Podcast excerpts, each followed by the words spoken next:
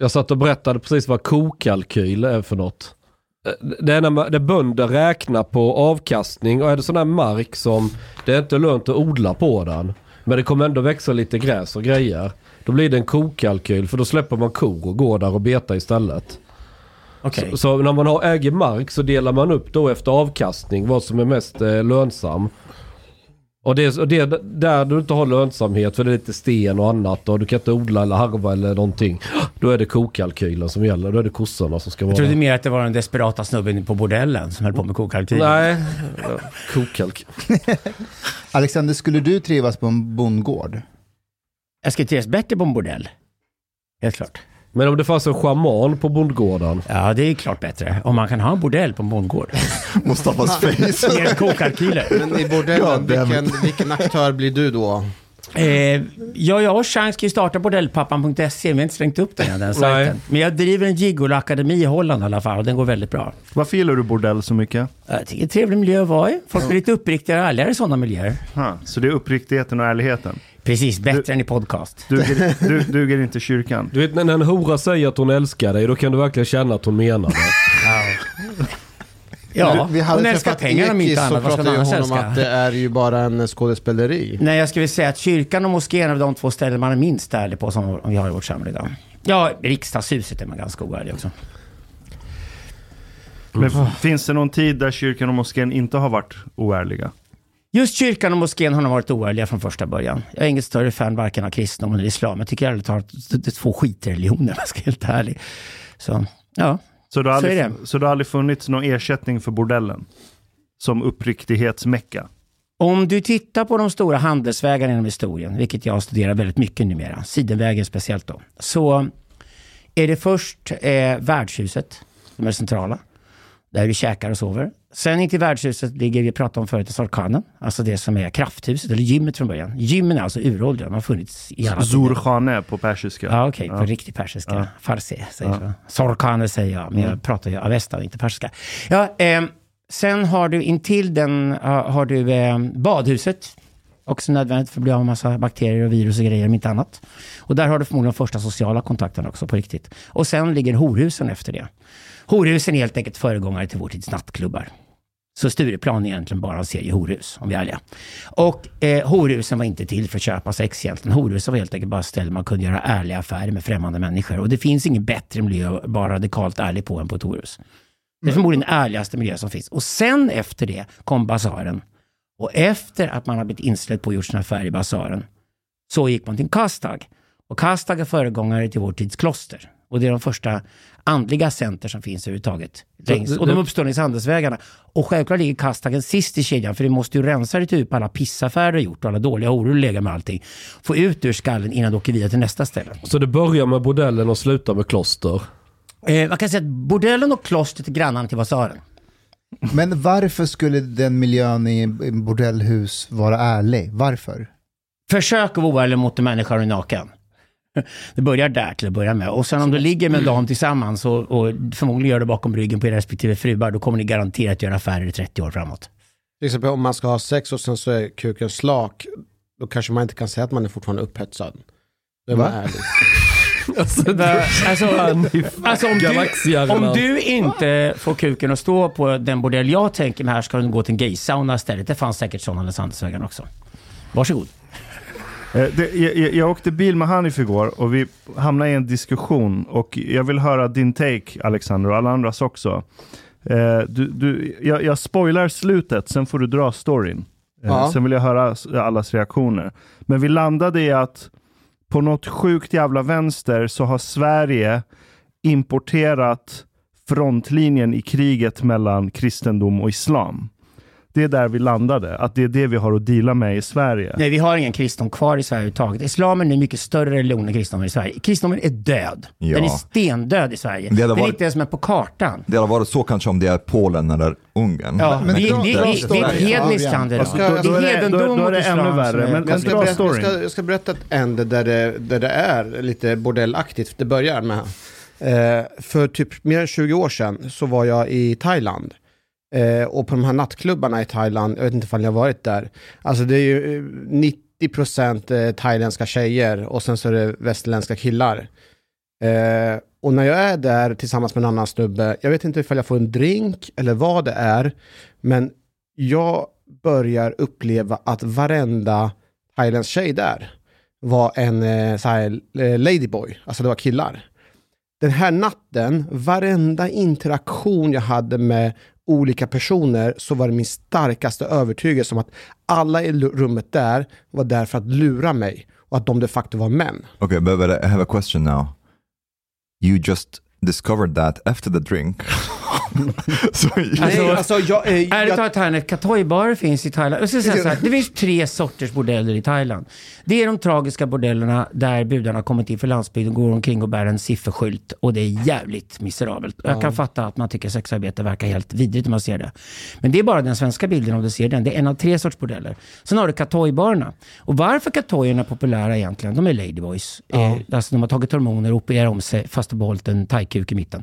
Eh, varför de är populära? För de är egna företagare. Det är absolut ärligaste sexhandlaren du kan ha, de som verkligen uppskattar det. För bland dem är det ofta kick, en kick också, att sälja sex av den enkla att det bekräftas av att de funkar som tjejer. Så Ladyboys är en jävligt stark kultur i Thailand, Turkiet och på andra ställen också. Och det är en egen sorts bordell man går till då, en egen sorts nattklubbar om vi ska välja. Den tredje sorten, som ingen i Sverige pratar om, det är lyxeskorterna. Och jag kan ta med det på en lyxeskortbar i Bangkok med amerikanska militärer på front row och sen tjejerna kommer in. Och när de tjejerna kommer in, du blir livrädd för dem, jag tänkt som svensk man. Du springer ju med din lilla penis på en gång för du vågar inte tänka tanken på att knulla dem. Det här är tjejer som tjänar 40 50 000 per natt och de bor i lyxvillor i Bangkoks förorter. Med Hanif och det är och den Simon bilden ingen i Häggström Sverige dit, vill se. Det vill säga sexindustrin som alla andra industrier, den täcker allt. Den täcker liksom allting. Den täcker de roliga grejerna, täcker de udda grejerna och saker också. Men åtminstone de här tre borde man måste se om man åker och ser sexindustrin i Thailand. Vill man inte se lyxeskortarna och vill man inte se egenföretagande katojer, då är man en svensk vanlig radikalfeminist som ljuger om omvärlden hela tiden. För det gör radikalfeministerna Men inte. jag får jag fråga, ljuger de eller sitter de inte på den informationen du sitter nu?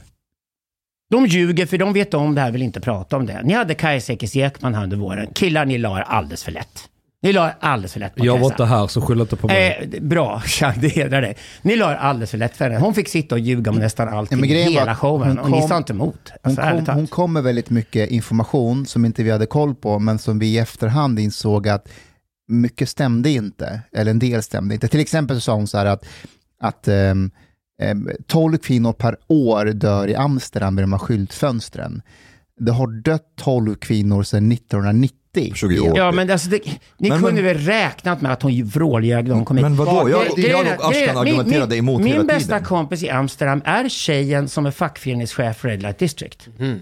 Jag umgås med sexarbetare hela dagarna, jag är med i sexarbetarfacket och allting. Ni kan fråga mig om sexarbetarnas status i Europa. Jag har varit sexarbetare själv, jag tycker det är en underbar miljö att vara i. Jag gillar dem jättemycket. Jag studerar dem från ett marxistiskt perspektiv idag, för det finns ingenstans där skillnaden mellan arbete och fritid är så viktig som just det gäller sexarbetarna. Och den här tjejen skulle ni bli livrädda för om hon kom in i rummet. Hon är så jävla kraftfull och så jävla stark persona. Hon jobbar som dominatrix och, och piskar upp sina kunder och får fett betalt. Hon är chef för fackföreningen i, i Red Light District i Amsterdam. Hon skulle göra snömo, hon skulle krossa Ka- Kajsa Ekis Ekman i debatt. Det är den sortens tjej vi borde sätta mot sådana som Kajsa som ljuger om sexarbetarnas liv och villkor hela tiden. Men vad var det exakt hon, var det, var det villkoren som Kajsa ljög om eller? Kajsa Ekis Ekman fattar, alltså sexarbetarna i hela Europa hatar den svenska sexköpslagen. Det är universellt. Den är bara dömd överallt. Det finns en modell som funkar skitbra. Den är på Nya Zeeland. Den införs på 1990-talet. Den uppmuntrar sexarbetare att bli egna företagare, sköta företag själva, betala skatt, få pension när de är klara, jobbat färdigt och ha det som vilket jobb som helst. Den modellen har funkat lysande. Och självklart har du minst våld förknippat med sexarbete på Nya Zeeland. Om nu våld förknippat med arbete överhuvudtaget är en fråga i det här fallet. För det finns självklart massor med yrken som är mycket våldsamma sexarbete. Men okej, men om vi går tillbaka lite till Ja, ja, dra din Om story. Christer Nej, men, det, men så Han höll på lite länge med Katoiborg där. Alltså, Men vi, vi var, jag tror det var så här. Som du Ja, vi, jag måste skynda på din story. Nej, men låt mig få prata Okej, till punkt. okej. Låt, ge han ett gott om tid. Men det var inte bara på den här nattklubben, det var hela natten runt omkring. Varenda interaktion jag hade med varenda person så var det min övertygelse om att alla ville lura mig. Och att alla egentligen var män som hade klätt ut sig till kvinnor. Jag säger det vad här... gick du på för droger den kvällen? Det, det, det, det jag, efteråt så undrar jag ifall jag fick någonting i min drink. Den här känslan upplevde jag igen eh, i förra helgen. när jag jobbade som polis i Rinkeby. Men du missar en detalj för att de du hängde med sa att nej, det är inte alls transsexuella, det är kvinnor. Så Ja. du fick massiv kognitiv dissonans. But wait, did someone drug Hanif to try to rape him? What happened? Jag, jag vet inte, men, Ja, men det var förvirrat tillstånd. story. Ja, Mustafa, ta det lugnt. I förorten- Slappna av, slappna av. Mustafa har inte ätit Och det idag. så de sa till dig på thai-baren med, slappna av. okay, okay. När, jag var, när jag var i förorten och jobbade så tänkte jag så här, det är min största övertygelse att nu när Paludan kommer hit, i varenda interaktion jag hade med med- medborgare som sa så här, ah, det är helt för jävligt att ni poliser ska komma hit och behöva vakta Paludan. Tänk vad mycket skit han ställer till med. Eh, och att det här kostar skattebetalarna så mycket pengar att polisen kan slösa så mycket resurser. Då sa jag så här, ah, men vet du vad, det är egentligen inte Paludan som är problemet, utan det är alla som håller på att demonstrera och kasta st- det är alla som håller på att använda våld mot oss. Självklart, Bra, han är bara en Hanif. provokatör. Han, han är ju inte problemet, han utövar inte Och våldet. jag tänker så här, jag förklarar på ett pedagogiskt sätt så är jag klar med första personen. Jag hinner knappt bli klar innan nästa person och det kommer samma situation igen. Det, det, det, är- eh, det, liksom, det är Paludan det är fel på, det är, varför lägger ni så här skattepengar på det här? Och så här höll det på hela kvällen. Och till slut så bara ställer jag frågan till mig själv, är det mig det är fel på? För att det Nej, här det är det inte- svenska samhället är det är in- fel på, men den det är svenska liksom skolan är det fel på. varenda person. Svenskarna fick fattar idag inte vad yttrandefrihet är överhuvudtaget och fattar inte grundläggande för hela vår civilisation. Ända sedan europeiska upplysningen på 1600-talet har vi slagits för yttrandefriheten. Den är fullständigt körd i sank och där är Socialdemokraternas fel helt och hållet. För Socialdemokraterna som cyniskt vill ha väljare i de här områdena och därför låter dem tro att det finns en yttrandefrihet som går att kohandla med. Och det betyder att om du tar Koranen då, som för mig inte är en helig bok alls, för jag är inte muslim. Jag skiter fullständigt i den. Det är en trycksak, den kan vem som helst få elda. Och om, om då den hålls helig av vissa människor, en trycksak hålls helig. Kom ihåg nu vad det här handlar om. Paludan eldar upp en trycksak och lyckas provocera massor av människor. Det är människor som inte kan skilja mellan människor och trycksaker. Det är idioter. Det är idio- och de borde få höra att de är idioter och att yttrandefriheten är till för deras skull. Men eftersom ingen har lärt dem det överhuvudtaget och sossarna har spelat med i det här jävla rävspelet nu i decennier är det krattat och klart för Jim och Ebba att ta över Sverige i höst. Med all rätt. Men jag du- är efter, efter korankravallerna i påskas är jag lika förbannad som alla andra människor i landet att om yttrandefriheten är inte en fullständig jävla grej som det första ungarna får lära sig i skolan och de inte fattar vad den innebär, då är det dags att lära dem det fort som fan nu alltså. Det är Vi så måste många, försvara Det yttrandefriheten är i så många unga svenskar jag träffat som, som, säger, som räcker upp handen och säger att man ska förbjuda brännande av böcker. Idioter! Ja, men vi har juridisk yttrandefrihet, men vi har inte kulturell yttrandefrihet. Det, det är inte... Vi har en hög idioter som inte har ett uns av utbildning och inte ens fattat att deras frihet som de utövar i samhället är beroende av att friheten gäller för alla andra också. Det här är ingenting annat än mobbstyre som Sverige är på väg mot idag. Och det är därför jag säger att kristendomen är stendöd i Sverige. Den är borta ur leken. Glöm den fullständigt. Nu är det hedendom mot islam som gäller i Sverige. Men, men det med kristendom och islam, vad är det med kristendom? Nej, Bara men, eh, nej, kristendom men, där. det, du, du, du fick massiv kognitiv dissonans. Det är det här, för grejen är, jag vet inte, vi skiljer oss väldigt mycket, jag och du Alexander, men för mig, i interaktionen med människor, om alla efter ett tag säger att nej, den här burken är inte röd, den är vit, efter ett tag går jag på den. Men det gör inte jag. Nej. Jag räknar med att folk är idioter. Jag utgår från det. jag, jag försöker... Jag gillar intelligens. Intelligens är väldigt sällsynt. Han är väldigt, väldigt sällsynt tyvärr. De flesta människor bara puckade flockdjur och ingenting Efter annat. den kvällen Ärligt så var jag helt förvirrad, för varenda interaktion så fick jag ändå samma svar. Det är oss det är fel på, det är Paludan det är fel på, polisen borde inte lägga ner så mycket resurser. Jag fick bli kallad för kuffar, var det någon snubbe som kallade. En annan började förklara att det här är dom, alltså det här är, efter den här dagen så kommer polismyndigheten bli behandlade på helt annorlunda sätt. Och det är sant, Men vänta, det vänta. kommer alla de som du har pratat med- är de etniska svenskar eller inte? Såklart Nej, de, inte. Såklart inte. Okej, så det. Så, Nej. Ja, ja, men... Då finns det, vad så, då finns det svar Ja, ja. på den här gåtan. Ja. Det heter inbördeskrig, för det kommer landa i det till slut. Men, Jag lovar dig. men, men jag tror att det, det finns också en skillnad, like how different cultures see citizens' rights. Yeah. So basically, those people come from cultures where there is a there is like positive rights. So citizens have no rights, and it's the state that gives them rights. So citizens over there they don't have yttrandefrihet, but here we have negative rights. So basically, by default, people have yttrandefrihet, and the state does not like provide them with yttrandefrihet, but can take it away from them. But this is why people don't understand that. This is why they blame the state and the police for allowing, giving the right to Paludan, because they don't understand that we have yttrandefrihet Sverige. Konversationen lät bättre i bilen igår, men vi, men vi landade i att på något jävla vänster så har vi ett krig mellan islams rättigheter, jag sa kristendom, men det är väl yttrandefriheten. Och, och du säger att det här leder till inbördeskrig. Ja, det kommer det göra. Är det en praktisk möjlighet i Sverige? Ja, det är det absolut. Det handlar om de här två grupperna börjar skaffa sig vapen. Det vill säga om någon börjar skjuta på polisen över landet så kommer ju andra svenskar försvara polisen. Det är inbördeskrig. Det är definitionen. När polisen tappar kontroll över det interna territoriet är det inbördeskrig. Det är vad inbördeskrig betyder, civil war på engelska. Det är vad det betyder. Om polisen inte har kontroll över landets territorium längre, utan förlorar den kontrollen, då är det inbördeskrig. Polisen har inte kontroll över Nej, exakt. Jag säger det. Vi är på väg dit i full fart just nu.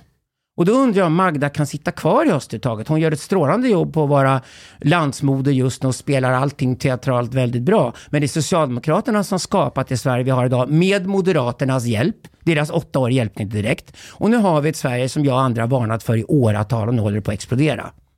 Är det så att inte polisen har kontroll i förorterna Mustafa? Det vet väl du som är polis. Jag ställer en fråga till dig.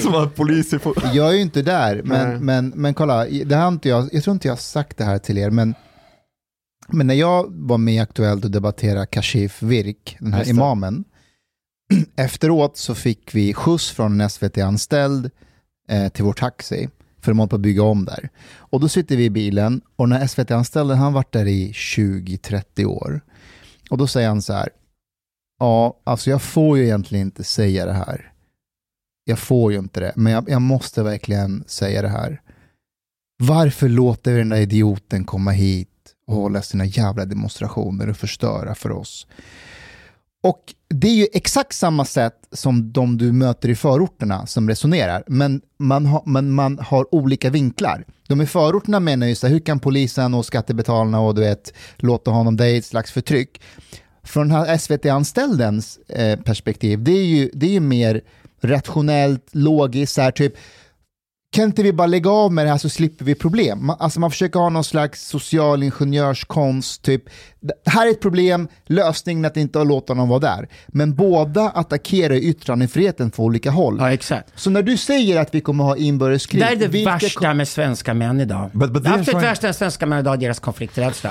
Det, det finns inga omanligare män på den här planeten än svenska män idag. Och det är för de är så jävla konflikträdda och bara hoppas slippa problem genom att blunda för saker. Därför har de också satt sig i situationer. Vi ska ha klart för oss en sak.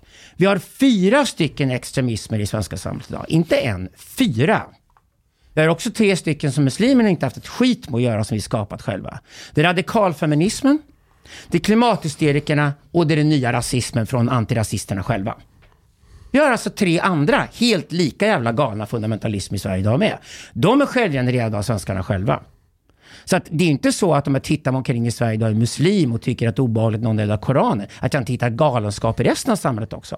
Svenskarna har på grund av sin enorma konflikträdsla och sitt odlande av myten om att den här konflikträdslan är fredskärlek, att svenskar är fredliga människor. Nej, alliansfriheten Sverige haft har bara varit en bricka i spelet för att slippa bli indragen i konflikter. Vi är vansinnigt konflikträdda i den svenska kulturen. Och nu får vi precis de konflikterna man får om man undviker konflikter. Det blir värre. Det blir tryckkokare överallt. Och då har vi fyra stycken olika fundamentalismer att deala med i Sverige idag. Inte en. Islamismen, som är utbredd bland muslimer i Sverige idag, uppenbarligen. För varenda muslim i Sverige som vill stoppa Paludan är ju islamist.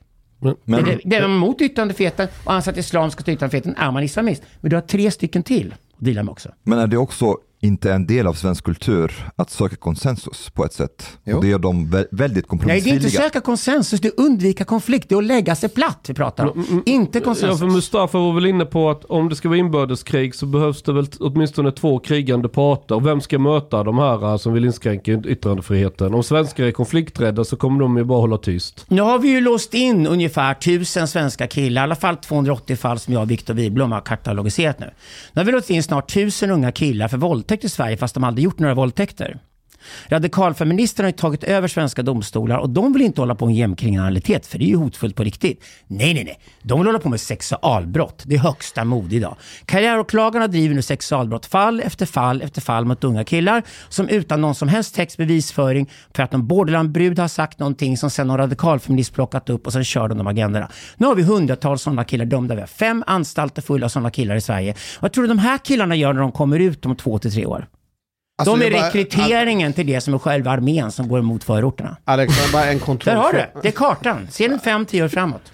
Klockan. En- För de hatar radikalfeministerna. Och då kan du lika gärna börja attackera en av extremismerna. Då är det alla extremismerna till slut kommer att Så vi, attackera. vi, ska ha en armé av dömda våldtäktsmän på Nej.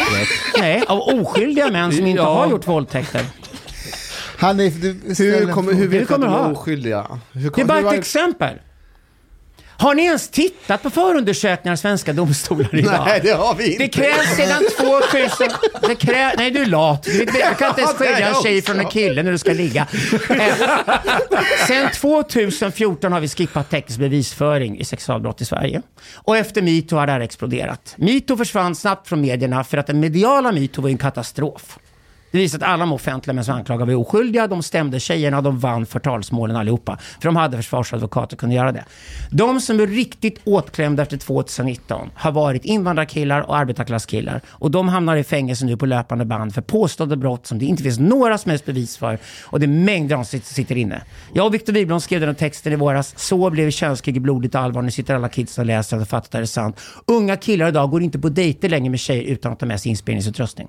Det här, det här pratade Sargon de Basso om, han eh, Exakt. juristen. Om att av någon anledning, eh, som jag inte har studerat i alla fall, det kanske finns ett svar på det. Så när det gäller just våldtäktsmål så räcker det med att ett, potens, ett påstått offer berättar att den har blivit våldtagen och så kan ens vän eller väninna verifiera att det här storyn stämmer. Så har det alltid varit.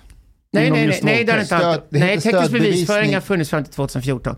Em, Efter 2014 levs det ner. Nej, det är värre än så. Så här är det idag, att om du har en koherent berättelse som verifieras av en innan, det vill säga ett skvaller som stämmer. Det kallas hörsägsbevisning i Sverige idag. Varför tror du judar är livrädda vad som händer i Sverige idag? För det här är början på pogromer. Pogromer börjar alltid med att man påstår något och skvallrar om någon, snackar skit om någon och sen dömer man baserat på det. Det gör vi idag i svenska sexualmål. Men vad som är ännu värre är det här, att åklagarna driver sedan 2019 är att om tjejens story inte hänger ihop, då är det bevis för att hon är traumatiserad och då måste en våldtäkt ha skett. Så du är chanslös om en ung kille idag kommer in för skranket. Och nu ringer överklasskillar till mig och fattar, spelar ingen roll vilka advokater de ringer. De kan ringa Sargon de Bassa, Hanna Lindblom, Alexander Barkman, vem de vill. Alla faller. Och nu finns det en lång, lång, lång, lång kö av fall som vill överklaga hela vägen till Högsta domstolen. Högsta domstolen tar inte ett enda sexualbrott med tång just nu. De är livrädda för att hovrätterna dömer bara på och lägger på ännu mer straff, ännu mer straff idag. För idag leds svenska juridiken av kvinnor. Och de här kvinnorna har feministisk bakgrund och radikalfeminister och det här är deras hem på män. Och vad som sen händer är att det kommer upp till Högsta domstolen, har lång, lång, lång, lång kö. Högsta domstolen tar inte ett enda fall till prövning. Förmodligen kommer något slinka upp i Europadomstolen eller liknande sen och så kommer vi ha en stor jävla härva att riva upp med tusentals med all säkerhet oskyldiga killar som döms till ett av de värsta brott vi känner till. Är det någon annan än du och Viktor ehm, som har tagit upp det här och studerat det här? Therese Jubel gjorde hos Navid Modiri. Vem- vem är Hon- det? Therese, ja, men inte Hon har, skrivit, hon har skrivit en bok som heter Två böcker har Therese Jubel skrivit. De rättslösa. Ja, ja, okej, okej. ja, men- Hon var hos Navid Modiri under våren. Det kommer komma fler nu, för nu kommer mammorna till de här killarna börja prata om den här hösten. När den här jävla rättsrötan börjar rivas upp kommer det göra riktigt ont hos svenskarna. För när vi inser vad vi gör i Sverige idag med unga män, vad fan är det för jävla kultur? Och det menar jag, det också måste man se i bilden när svenskarna lägger som fähundar för att någon bråkar om koranbränningar. Att det finns ingen kvar som tar konflikterna. Och det är därför radikalfeministerna har fritt spel just nu i Sverige. Islamisterna har fritt spel om de vill ta över islam och köra sin agenda där och kör koranbränningar som ursäkt för det. Men du har samma tokigheter med miljörörelsen som gått fullständigt överstyr sen Greta Thunberg. Nu kan vi kalla det för klimathysterikor, för det var jag. Och det handlar inte om miljö och klimat längre taget. Det handlar om moralismer och det handlar om att rädda samer. Det handlar om alla möjliga sjuka saker som inte har ett skit med miljö och klimat att göra längre. Klimathysterikerna är också fullständigt skogstokiga. Och den fjärde extremismen vi fått nu, det är de nya evangelisterna som åker runt i Sverige och lär oss att vi är rasister i alla fall. Och vill vi inte se någon ras och vill vi inte se någon hudfärg, då måste vi se det ändå. Det kan vi kalla för nyrasismen. Den kommer från antirasisterna, för de har inga karriärer kvar. Om det bevisas nu att vi bryr oss inte om ras längre i Sverige, vi skiter i vilket. Vi håller alla lika ansvariga inför lagen och så vidare. Så vi har att göra med alla möjliga extremister vi fått nu. Jag- Men jag vet- allt går tillbaka att- till konflikträdslan. Jag vet att eh, integration är nu eh, återigen en så här het ämne bland, eh, inom näringslivet. Eh, för de ställer sig frågor hur de kan hjälpa till, hur de kan vara med och bidra, ge människor jobb och så vidare. Men de frågor de har intresserat sig för att komma åt det här är bland annat vithetsnormer som finns på arbetsplatser. Och det är helt liksom utbrett, det är ingen som ifrågasätter att, alltså, vithetsnorm, utan alla är så här, det är väldigt viktigt att vi pratar om vithetsnorm, i alla fall på chefsnivåer och så. Och jag undrar, du vet, om jag, om jag ska ge mig in och, och prata om integration, jag, vill inte hamna att prata om vithetsnormer. Det, det, det, det är ett så äckligt begrepp för mig att prata om. Näringslivet har också konflikträdsla överallt. Därför släpper de in den här skiten. Det är ren smörja alltihopa. Jo, men och det här, återigen det här med konflikträdsla. Jag, jag ser ingen som, som faktiskt ifrågasätter det här när Kitimbwas eh, Sabuni eh, kör sina... Han åker ju runt i företag och pratar om vithetsnormer och Han annat. gör alla sina pengar på det. Ja. Han har inte utbildning till någonting annat. Han har ingen annan karriär. Alltså, det, det här är rätt sjukt. Eh, Länsstyrelsen i Stockholm, de har finansierat ett projekt som heter Vidga normen. Och då sitter det, det är en kvinna, hon är en av de högst uppsatta cheferna i Länsstyrelsen i Stockholm. Eh, Anna Konsén tror jag hon heter, eller Ann Konsén. Så hon sitter och beställer rapporter från Lund och Uppsala. Eh, och det är den här forskaren, vad heter han, Gardell, Mattias Gardell eller någonting. Mattias Gardell. Mattias. Gardell och Tobias Hübinette håller på med det. Och Håller det, på det med är det gänget. Så de sitter och skriver så kallade forskningspapper där de bara refererar till sig själva och på något magiskt kommer fram till att det finns vithetsnorm och den vita blicken och koloniala blicken och bla bla bla. Så det är ena sidan av operationen. Eh, och sen har de lejat ut rapportarbete till någon snubbe som har jobbat med distriktsombudsmannen i typ tio år. Det är den enda merit han har. Och sen har du Kitimwa Sabuni och ett gäng andra människor där alla har någon sorts anknytning till Ibn Rushd, Rushd-förbundet. De är personerna som har nu sammanställt det här projektet och skapat broschyrer och uppgifter och övningar som de går runt och utbildar med citattecken eh, företag i, i att förminska rasism. Så du har en aktivist i Länsstyrelsen i Stockholm som använder diskrimineringslagen som säger att företag måste aktivt främja inkluderingsarbete, vilket är jävligt sjukt i sig. Och så har du aktivister på universiteten som skriver skitforskning och så har du Ibn Rushd-folket som kommer in och levererar ut den här bullshit-sanningen till näringslivet. Eh, och det är väl som du nämnde för att det är konflikträdsla. De vågar inte säga nej. För du kan inte säga nej, vi vill inte ha en utbildning i hur vi blir mindre rasistiska. Och där har ju de knäckt koden, för de vet att de inte kommer få någon motstånd. Och den, den lilla människan som gör motstånd, den kan man trycka ner ganska enkelt. Ja. Men- men- och så har de lyckats förena två av de här fyra extremismerna jag pratar om. Alltså det är både islamismen och det är samtidigt eh, eh, det andra kortet som är raskortet. Så kör de båda samtidigt, ungefär som muslim vore en ras. Vilket är den största lögnen av alla. Islam är fan en övertygelse. säger att uh, muslimer är en religion. Ja. Men, men det är intressant, i, i, i skolan har det ändrat. Har det ändrats lite. Jag, jag har märkt att skolpersonal, they are tired of this shit. Du var på en skola, Omar. Ja, ja, men- fortfarande, they, they are tired of this shit. En Like, skola.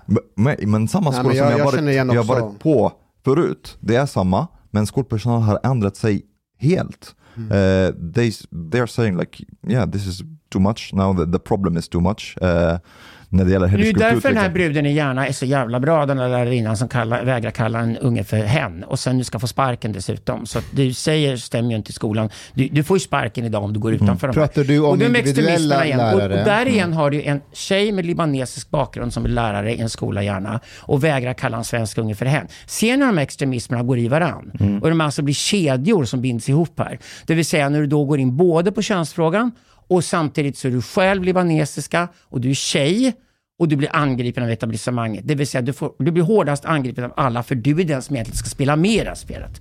Och på samma sätt som på det här sättet islam och ras spelas ihop i Sverige idag. På den andra axeln spelas ju miljö och klimat ihop med feminismen. Och då blir det ett patriarkat som förstört planeten, Ungefär som om tjejer inte kunde konsumera, vilket de självklart gör. Eh, och, och, och sen blandar man ihop miljö och klimatfrågan med radikalfeminismen. För den andra axeln, återigen handlar det om att de, om de hittar två ställen där du så att säga gör fel och lämnar etiketten. Så du gör fel enligt två av extremismerna. Då trycker de ihop dem ungefär som det, då är de de normala. Det måste börja syna nu tala om de fyra extremismerna i samhället. Inget civiliserat samhälle ska ha någon av de extremismerna. Muslimer ska gå till moskén och behandlas lika som alla andra och tåla att deras trycksaker eldas precis som andra religioner i Sverige. Men du- Den klassiska feminismen var det inget fel på heller, men radikalfeminismen idag som bygger på manshat, den är totalt out of control nu. Och samma sak, miljörörelsen, inget fel med heller, klimathot är riktigt. Men miljö och klimatrörelsen blir moralrörelse som ska Men- stoppa händer- gruvorna vi bygger i Sverige för att klara klimatomställningen. Då måste det också sig. Men vad händer om muslimer vägrar acceptera yttrandefrihet då? Då tror jag att det blir inbördeskrig eller de slängs ut ur Sverige. Vad sa du? vem Och ska de slängs det ut i? Sverige? Det blir inbördeskrig i Sverige. Muslimerna vägras till yttrandefriheten kommer inbördeskrig. Det kommer väcka den svenska vem mannen. ska stark. kriga mot dem? Vi har Den ju svenska mannen. Den konflikträdde, testosteronlösa, Ja, men någonting kommer vakna då. Jag tror det kommer få folk att vakna till liv faktiskt. Om jag bara går tillbaka Det till... gjorde, titta på opinionen efter påskupploppen nu. Jag menar, Jim gick upp 3%, Magda tapp, tappade 3% på en gång. Direkt dagen efter. Ja, fast och kommer det, nya, in- kommer det nya upplopp i sommar, då kommer det här svänga om ordentligt. vill ju inskränka yttrandefriheten i Novus undersökning. Men, Ja, men inte, inte männen. Inte det är män, 70 eh, 71 procent av männen som inte vill det. ja, så det är Kvinnor fortfarande... är mycket mer auktoritära. Ja, Nej, eh, kvinnor lägger sig ännu, men kvinnor har alltid lagt sig mer. Kvinnor hatar alltid konflikter, för kvinnor hatar risktagande. Hallå, Varför det är gav man tjejer. dem rösträtt egentligen? Män, män är väl de som egentligen ska ta riskerna och ta konflikterna? Ja, det är en bra fråga. För det skulle ju Var det ett misstag att ge kvinnor rösträtt? Om, män, om män röstar så får du mer riskbenäget samhälle i alla fall. Det får du garanterat. Om det är bara män som röstar. Men nu har vi Men trots du får ju allt... mer auktoritärt samhälle Ja. när kvinnorna kliver in i Men politiken. Chang, ni blandar upp korten lite väl mycket. Kan vi inte komma överens om Men, att Alex- klassiska feminismen hade vissa poänger faktiskt. Men den var klar med det den skulle åstadkomma på 1990-talet. Sen dess, alltså vad du får är, när ett projekt är avklarat borde projektet läggas ner. Så funkar inte Sverige. Vad som händer i Sverige är att när du byggt upp ett stort projekt över lång tid så har du anställt så många byråkrater, administratörer och betalat så många föreningar och låtsasvetenskapsmän för att göra sin skit. Så att de har inga andra karriärvägar. Mattias Gardell, Ketim Sabuni och de andra har inga andra karriärvägar. Greta Thunberg har inte gått i skolan, har ingen annan karriärväg. Det är därför de här människorna landar i de här grejerna. Och jag lovar att de ledare som kommer kliva fram i upploppen i förorterna den här sommaren kommer heller snart inte ha några andra karriärvägar än att vara ledare för upplopp mot poliser. Och då permanentar du problemet. Det är ju det Okej. här Peter Turchin pratar om när han säger att du får ett överflöd av elitklass i ett samhälle. Det är början på slutet. Jag skulle snarare säga att Michel. Foucault var den som pratade om det här på riktigt på 1970-talet. Han sa, tittar du på makten från rännstensperspektivet så är den alltid galen. Det vill säga, de du ger makt till kommer aldrig släppa den. Och har de makt av en enda anledning och du håller igång en extrem agenda, då kommer de göra den agendan extremare. De kommer aldrig medge att de har lyckats med det de skulle göra. Okej, men det är en grej jag vill fatta. Va, va, vad är orsakerna till att Sverige har blivit så pass konflikträtt och att eh, det inte finns balls i det här landet längre? Är det genpoolen som stack till USA? Förlorade vi alla våra balls med den migrationen? Är det kulturell eh, bearbeten som har gjort att vi har blivit så rädda för konflikt och inte vågar stå upp för de rättigheter som det här landet bygger på? Va, va, vad är orsakerna som har lett oss hit? Alla Rent de kulturellt. sakerna sa stämmer nog, men framförallt 200 år av fred. ja. Vi är fredsskadade, på riktigt fredsskadade. Och det menar jag på allvar. Vi kan inte ta konflikter överhuvudtaget. Vi kan inte ens ta dem på arbetsplatser. Vi kan inte ta dem någonstans längre. Och svensk... jag, jag säger så här. Sargon de Basse frågar mig en sak. Är det ditt och mitt jobb, Alexander, liksom väcka den svenska mannens själ? Och då sa nej det är det inte. Vårt jobb är att bara tala om för den svenska mannen att han inte har någon själ. Han har ingen själ. Han är en fähund, han lägger sig platt idag. Han är usel i sängen, han plockar i sig antidepp, han tycker synd om sig själv. Alltså, det, det är den svenska mannen idag och det är inte en man som står upp och tar konflikterna. Och det är därför vi har ett så jävla läskigt läge där små minoriteter som skriker väldigt högt kan få enormt mycket makt i ett sånt samhälle. Men för mig spelar det ingen roll. Jag, jag får ju bara rekryteringar ju tokigare det blir till vad jag håller på med. Så för mig spelar det ingen roll. Men för den svenska mannen i gemen så är det så att han har blivit en fähund idag och stått upp för Ashkan, kan du berätta om helgens incident? Ja men vänta, vänta, jag vill bara säga en sak. I, I think also there is a difference between, there is a cultural difference between hyper-feminine cultures and hyper-masculine cultures, for example, that exist in the Middle East. And one of the reasons to that, one factor, is also feminism, uh, which has had like a lot of like positive effects also. We, we didn't have that really in, in the Middle East. So like macho culture is still very much alive uh, and this kind of like uh, what could be called toxic masculinity while here in the west and in sweden it has been like you know you have been your your wings have been clipped men's wings have Jo, been jag vet. Det, det jag inte fattar, eller om det nu det är fredsskadandet skadandet som gör det, men det jag inte fattar är att när de här idéströmningarna börjar, varför sätter inte människor stopp för det redan från början? Varför ska det gå 30 år? Därför att det sker gradvis. Där det är stora rörelser, makrotrender, och de är mycket svårare att spotta. Ungefär som ekonomisk nedgång som pågår under lång tid är väldigt svår att se, men en akut kris är lättare att hantera. Inte vi Det är männen organisera 1990-talet oss som är nyckeln. 1990-talet är HBT-rörelsen klar med sin fight i Sverige. Då har vi massor med byråkrater och administratörer i HBT-rörelsen som måste ha fortsatta jobb. De måste titta på problem som inte finns. HBTQ. Jag skrev en text där 1998 och sa att ett stort misstag att stoppa in Q-bokstaven. Därför Q är en kulturell faktor, HBT var en politisk kamp. Nu låtsas man den kulturella kampen bli politisk. Inspirerad av det har vi en stor hög feminister i Sverige som inte är nöjda med att den klassiska feminismen har lyckats. Jämlikheten är uppnådd. Kvinnor har samma chanser som män har i vårt samhälle. Nej, man är inte nöjda med det, utan nu ska man jaga patriarkat som det vore ett spöke och hitta patriarkatet överallt i varenda litet hörn. Och patriarkat skyller man allting på som man inte är nöjd med i livet. Så när man blivit ful och tjock och bitter och gammal, då är det patriarkatets fel att man inte får ligga. Ungefär så. Det är radikalfeminismen, då sätter den också igång på 1990-talet. Då skiftar den klassiska feminismen, de riktiga feministerna klev ju av. De riktiga HBT-killarna och tjejerna klev ju av på 90-talet. För det väl klart. De ville bara ha ett sunda liv och skaffa sig familj och göra roliga saker och leva ett gott liv. De som blir kvar är de mest förbittrade aktivisterna. Så från 1990-talet och fram till de sista 30 åren har vi sett det här slå igenom till exempel. Det är därför jag slår larm om nu hur lagstiftningen ser ut i Sverige och vad som händer i svenska rättegångssalar just nu. När unga killar och oskyldiga döms till mängder av straff. Liksom. Okej, men- Och det, det sker för att det har varit en gradvis övergång. Och det är samma sak när rasismen inte längre är ett problem vårt samhälle och svenskar inte ens vill höra ordet ras mer och vi bestämt att det skiter i hudfärg, vi skiter i ögonfärg, vi skiter i hårfärg. Då sätter antirasisterna igång kampanjer för att jo, det finns visst ett spöke här som är rasismen och ni ser det inte, men vi ser det. Vi vet var det finns någonstans. Så därför ska ni betala oss dyra pengar för att ha långa stora weekendar på företagen där Mattias Gurdell och Katrin Vaseboni går upp och talar. Ni är visst rasister, ni är visst rasister. Ni måste till och med se ras, ni måste se hudfärg. Och då bör man kanske tycka att är inte det här lite väl skogstokigt? Men det gör inte svensken. Alexander, you, you say, du säger att det är många eh, oskyldiga män som blir dömda för våldtäkt, eller hur? Ja. Men samtidigt hör vi att det är bara 5% av alla anmälda våld, våldtäkt som leder till fällande dom. De flesta anmäler våldtäkter inte våldtäkter alls. Därför borderline-brudar går gladeligen iväg till polisen och anmäler 100 våldtäkter de sista fem dagarna. Vi har tjejer som är psykiskt extremt instabila och de används. En av de killarna jag jobbar med nu är en bodybuilder från Skellefteå.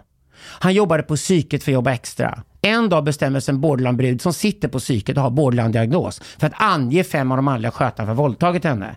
Då bestämmer sig åklagaren för att driva ett fall just mot honom. Han får tre och ett halvt års fängelse utan någon som helst bevisföring av något slag. För att en brud som är galen påstår att han har våldtagit henne. Okej, jag förstår. Det men- räckte. men- Han sitter nu tre och ett halvt år i fängelse. Alltså, så här är det hela tiden i Jag- Sverige. jag förstår, jag Det förstår. är Men- fullständigt skogstokigt. Jag förstår, men om det är 95% av anmälda våldtäkter, Ligger nu, anmäld våldtäkt är inte våldtäkt. Ja, ja. Lär dig Okej, skillnad med okej. anmälning Okej, och bevis. Okej, okej, enormt okej. viktig Ja, skillnad. ja, ja, Vem som helst kan anmäla vad som helst Jag till förstår, polisen. jag förstår. Om det är 95% av anmälningar som inte leder till fällande dom, betyder det inte att det finns många skyldiga män till, skyldiga till våldtäkt. Som Har du inte, hört principen hellre fria än fälla? Den ska vara absolut fundamental vår lagstiftning. Den tillämpas inte längre sedan 2014. Vi har slängt ut hellre fria än fälla ut ur svenska domstolar för att radikalfeministerna driver idag den svenska juridiken. Och de gör det från Vänsterpartiet och Socialdemokraterna och de är karriäråklagarna idag och de älskar sexualmålen för de vinner dem allihopa. För det är rena häxjakter på unga Men, killar. men jag idag. förstår inte din poäng Omar. Om 95% av anmälningarna inte utreds, inte leder till fällande dom. ja, då, Ja. men det, det är väl inget problem så länge du inte antar att Nej. alla de har en gärningsman bakom sig. Men det Nej, men, men det om det är motsäger 95% kan det inte finnas en, en betydande del av dem Och det som... Det är klart att det finns killar som går fria som är skyldiga. Det gör det i alla sorters brottsmål. Det Men är det- poängen med ett civiliserat samhälle att vi dömer inte om vi inte har bevis. Nej, men menar, just om när det var så gäller, lätt att vänta, nu, döma- Just när det gäller sexualbrott har vi ett enda stort undantag i svensk lagstiftning idag. Där behövs ingen bevisföring alls. Där gäller skvaller som bevis. Det stämmer ju inte, Alexander. Skvaller som bevis, stämmer jo, det gör inte. visst det. Ja, Alexander, Stödbevisning heter det det. stöd, men Alexander, det- eh, Omar har ju en poäng, för om din tes stämmer, då skulle det inte vara... Vad var Om det du är så lätt att döma för våldtäkt menar så, jag. så skulle vi inte ha så många Ja. s- som har lagts ner. Vi har en exploderande rate av dom, domar nu. Så vad som har hänt är att vi hade ganska få som dömdes 2018. Det är svårt att bevisa våldtäkt också. Och sen var det jävligt mycket luft i anklagelserna.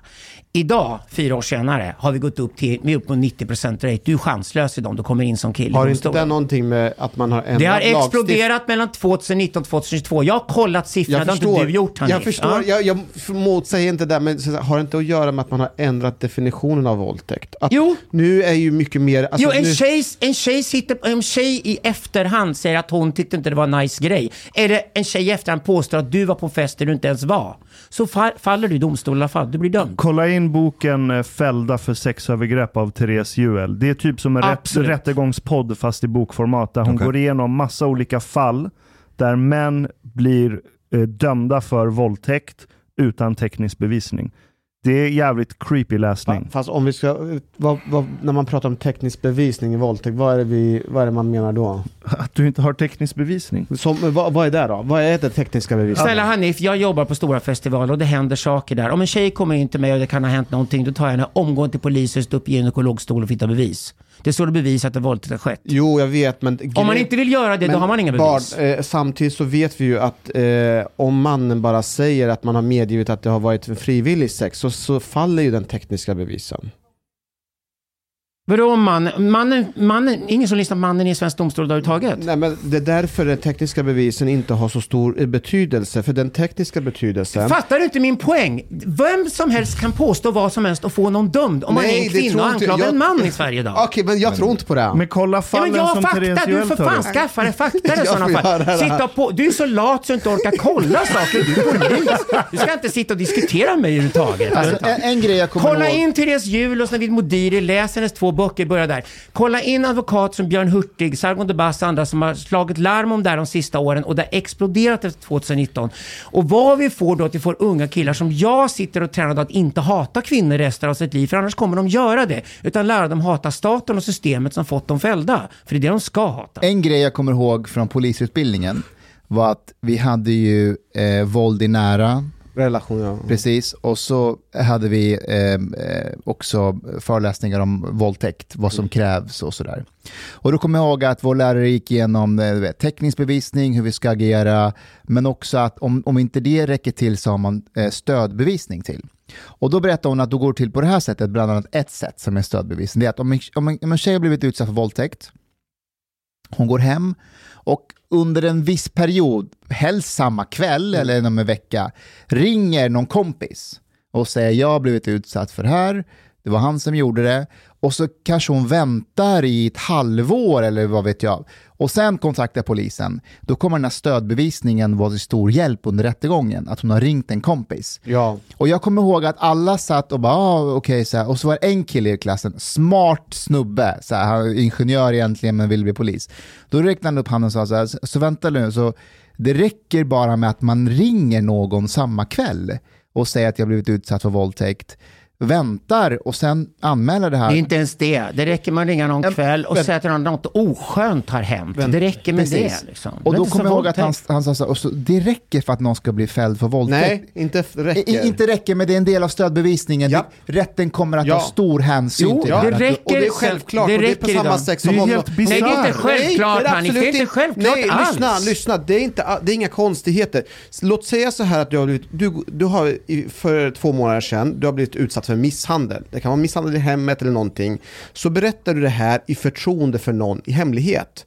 Och på samma sätt som att, eh, att stödbevisningen kan användas i en våldtäktsärende så kan den användas i vilket annat ärende som helst i form av misshandel. Och det, kom ihåg, det är bara stödbevisning. Det är bara en... Det är bara Nej, i lite- våldtäktsfallen är det inte stödbevisning, det är bevisningen idag. Det är fattar inte vad jag säger. Och det som händer är det här, det är ofta en trasig tjej, det är ofta en trasig tjej som är jävligt trasig, psykiskt instabil, psykiskt sjuk ofta, som är den som säger är målet.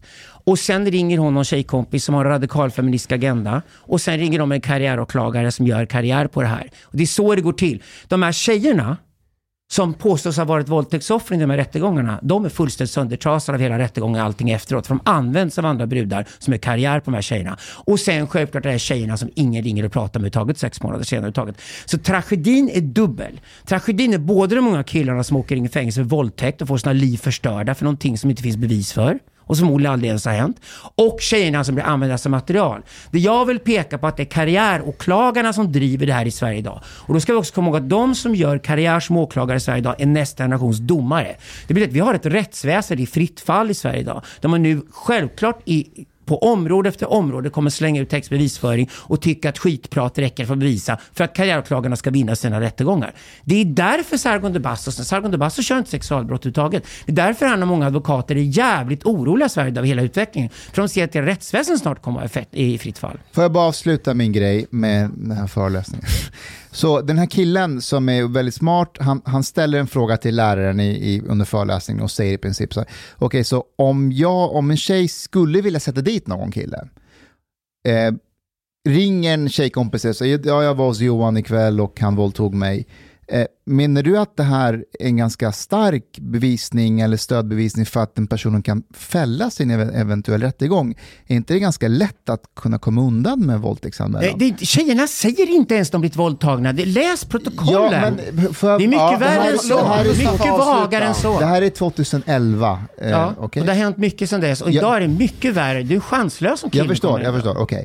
Och jag kommer ihåg att det blev väldigt dålig stämning under den här föreläsningen.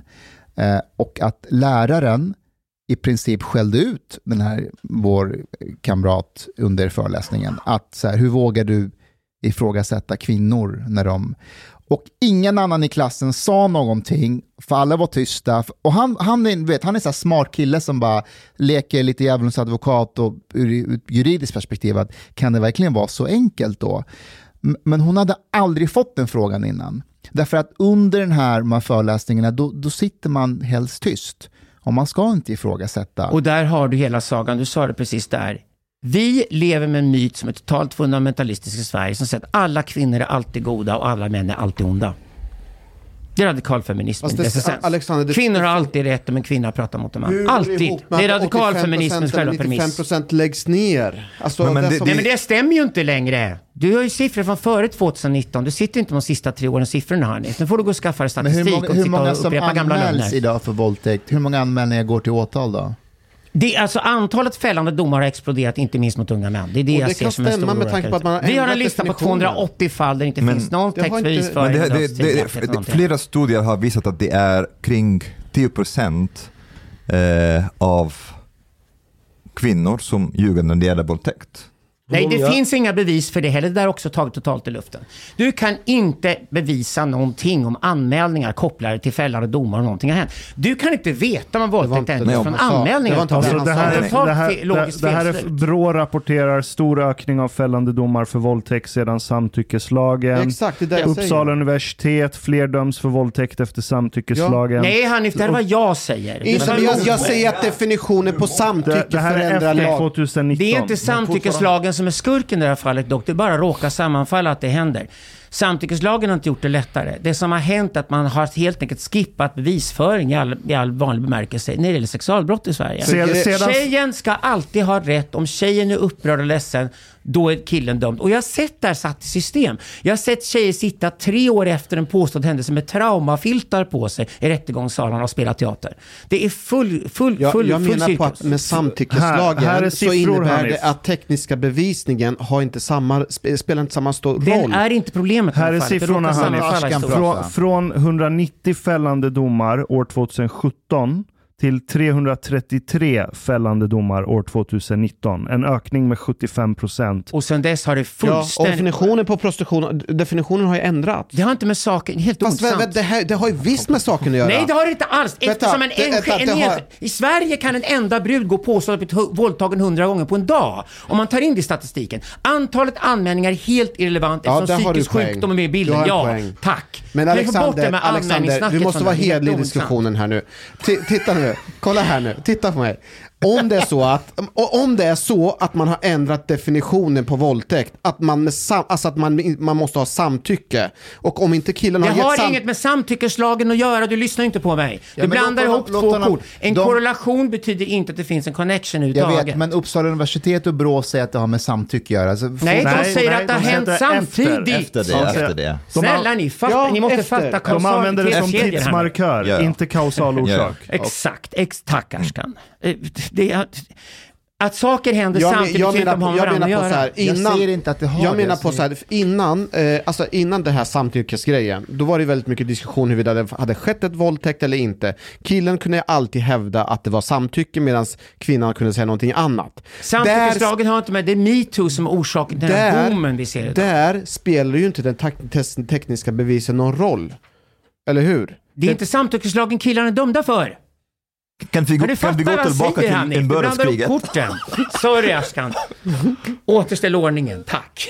Alltså, s- jag har känt Vi har en katastrof som väntar snart och vad jag återigen pratar om är fyra stycken extremismer vi Okej. måste deala med i Sverige idag. Det här är en av dem, koranbränningarna gäller en annan av dem. Vi har två till att deala med, vi vill gå igenom dem också. Jag har känt det i sju år, jag har aldrig sett dig så här lack förut. Jag är förbannad för unga killars skull och jag sitter med deras mammor och deras pappor och deras föräldrar idag och binder ihop dem i stora nätverk. Så att ni kommer se en jävla massa föräldrar som kommer komma ut och berätta sina historier ganska snart. Och då kommer det ta eld utav helvete. För de här kvinnorna, mammorna till de här killarna, vad de har att säga om svenska radikalfeminister och svensk rättsväsende, det är jävligt intressant. Det vill jag höra den här hösten. Har du försökt lyfta den här frågan bland andra etablerade journalister? Jag och Victor Wiblom skrev en text som heter Så blev könskrig blodigt allvar, publicerad hos Chang på Nyheter idag. Läs den texten. Chang, Den har du varit med idag. och... Vad tyckte du om den? texten. Han Chang är inte med idag. Chang, är du med idag? Nej. Vadå? Vad tyckte du om texten? Vilken text? Vad har det med saken att göra? Jag han undrar, publicerar för att han tror på yttrandefrihet. Varför är det intressant? Jag, inte, jag, jag tittar på, kan det här ge klick eller inte? Och då pubbar jag. Du står på kandidaturlistan för riksdagen för Medborgerlig Samling. Som nummer 19, ja. Som nummer Lite 19. klädsamt en bit ner. Kommer de komma in i riksdagen?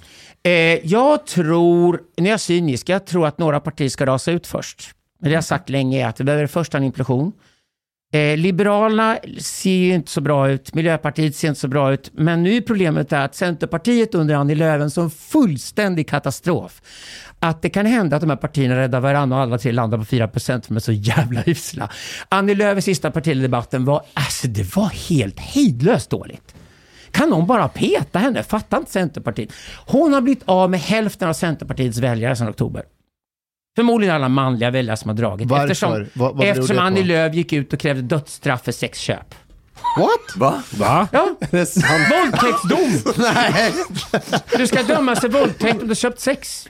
Det är fan dödsstraff Annie i Lööf Sverige. driver det idag. Vadå? Det är, döds, det är Det mer är eller mindre dödsstraff. Att bli dömd för våldtäkt är ett dödsstraff. Ja, Alltså, ditt liv är förstört. Symboliskt. Ditt Eh, liv är förstört. Du kommer aldrig in på arbetsmarknaden. Du får inte en chans att etablera dig. De killarna som kommer ut från fängelserna idag och suttit av våldtäktsstraffen har ju fan inte en chans.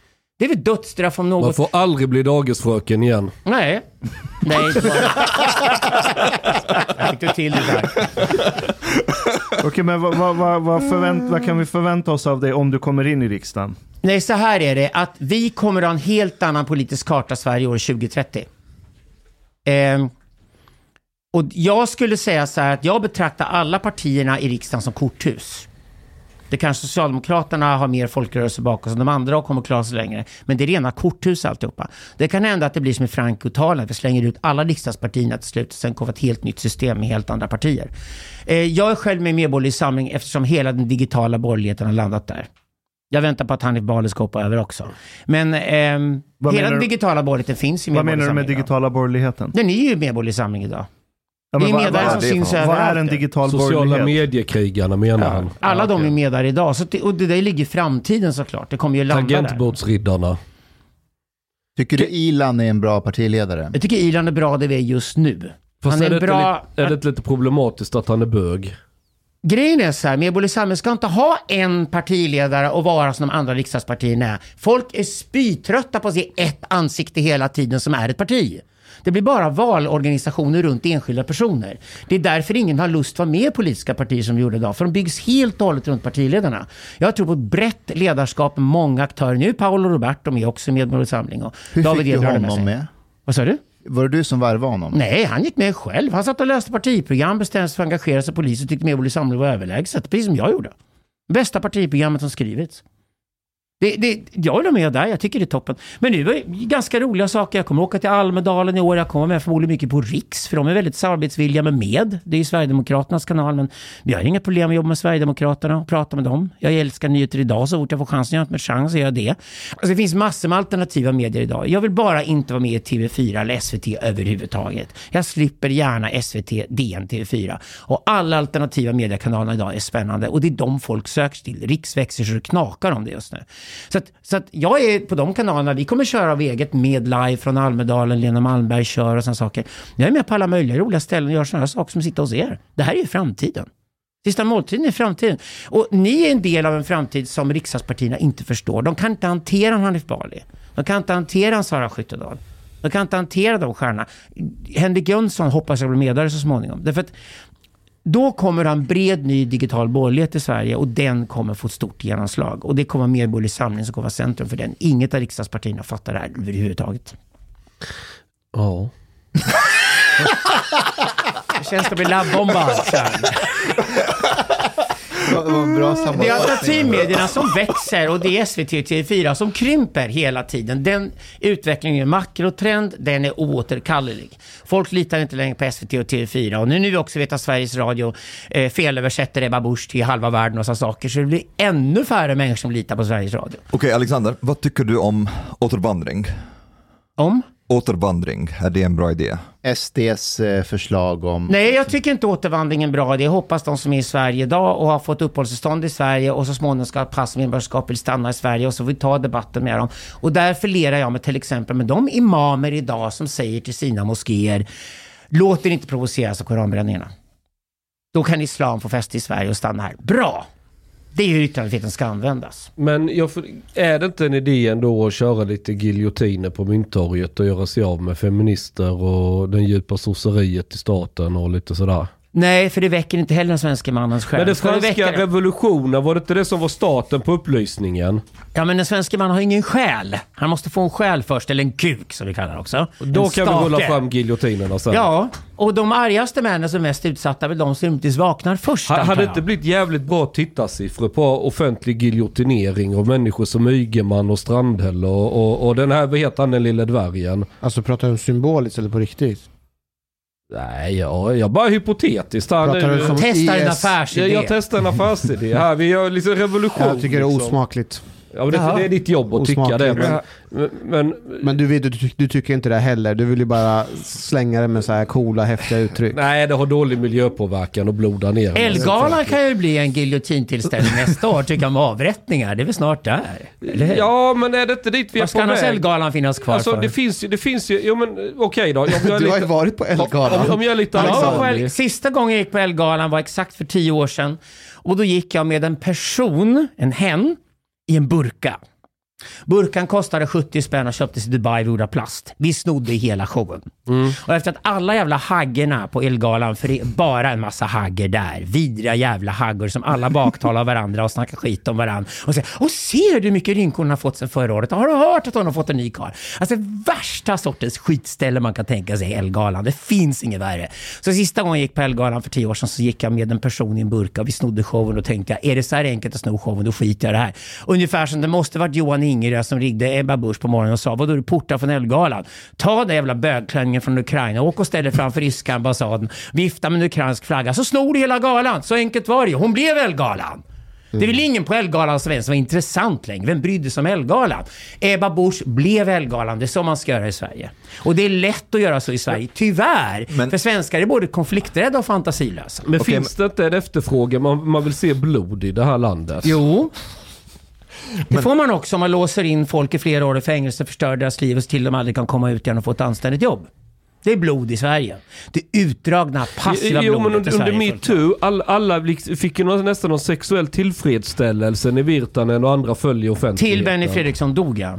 Då var det inte roligt längre, för då visade det sig att det handlade om hela tiden. Det sa jag under brinnande metoo. att Den här pöbeln är inte nöjd förrän folk börjar dö. Jo, men det, det, och efter att Benny var död var det inte kul längre för Åsa Linderborg att sitta och hetsa. Jo men de här människorna hetsar på en pöbel som, liksom, när det hettar till då vill de se blod. De, folk ska avgå, deras liv ska krossas och så vidare. Då är de nöjda och då så ska Ja, det fläkas de älskar att skjuta poliser i förorten just nu och gärna se poliser dö snart. Det är nästa steg. Ja det har ju redan hänt. Ja, då så. Det kallas lynchmobb. Ja, Men det är är därför det- jag har sett Sverige inte är kristet längre. Jo men och då tänker så Sverige här- är ett hedniskt land för lynchmobbarna kommer ta över men, det här men, landet. men då är vi tillbaka till det här med giljotinen på Mynttorget. Om vi nu ändå ska ha en blodtörstig mobb. Varför ska de ge sig på polisen? Varför ska de ge sig på någon oskyldig kille eller Jag, någon... jag tror vad Chang försöker säga är att alla mänskliga samhällen har genom urminnes tider haft ett behov av att avrätta en syndabock offentligt för att lösa kaos.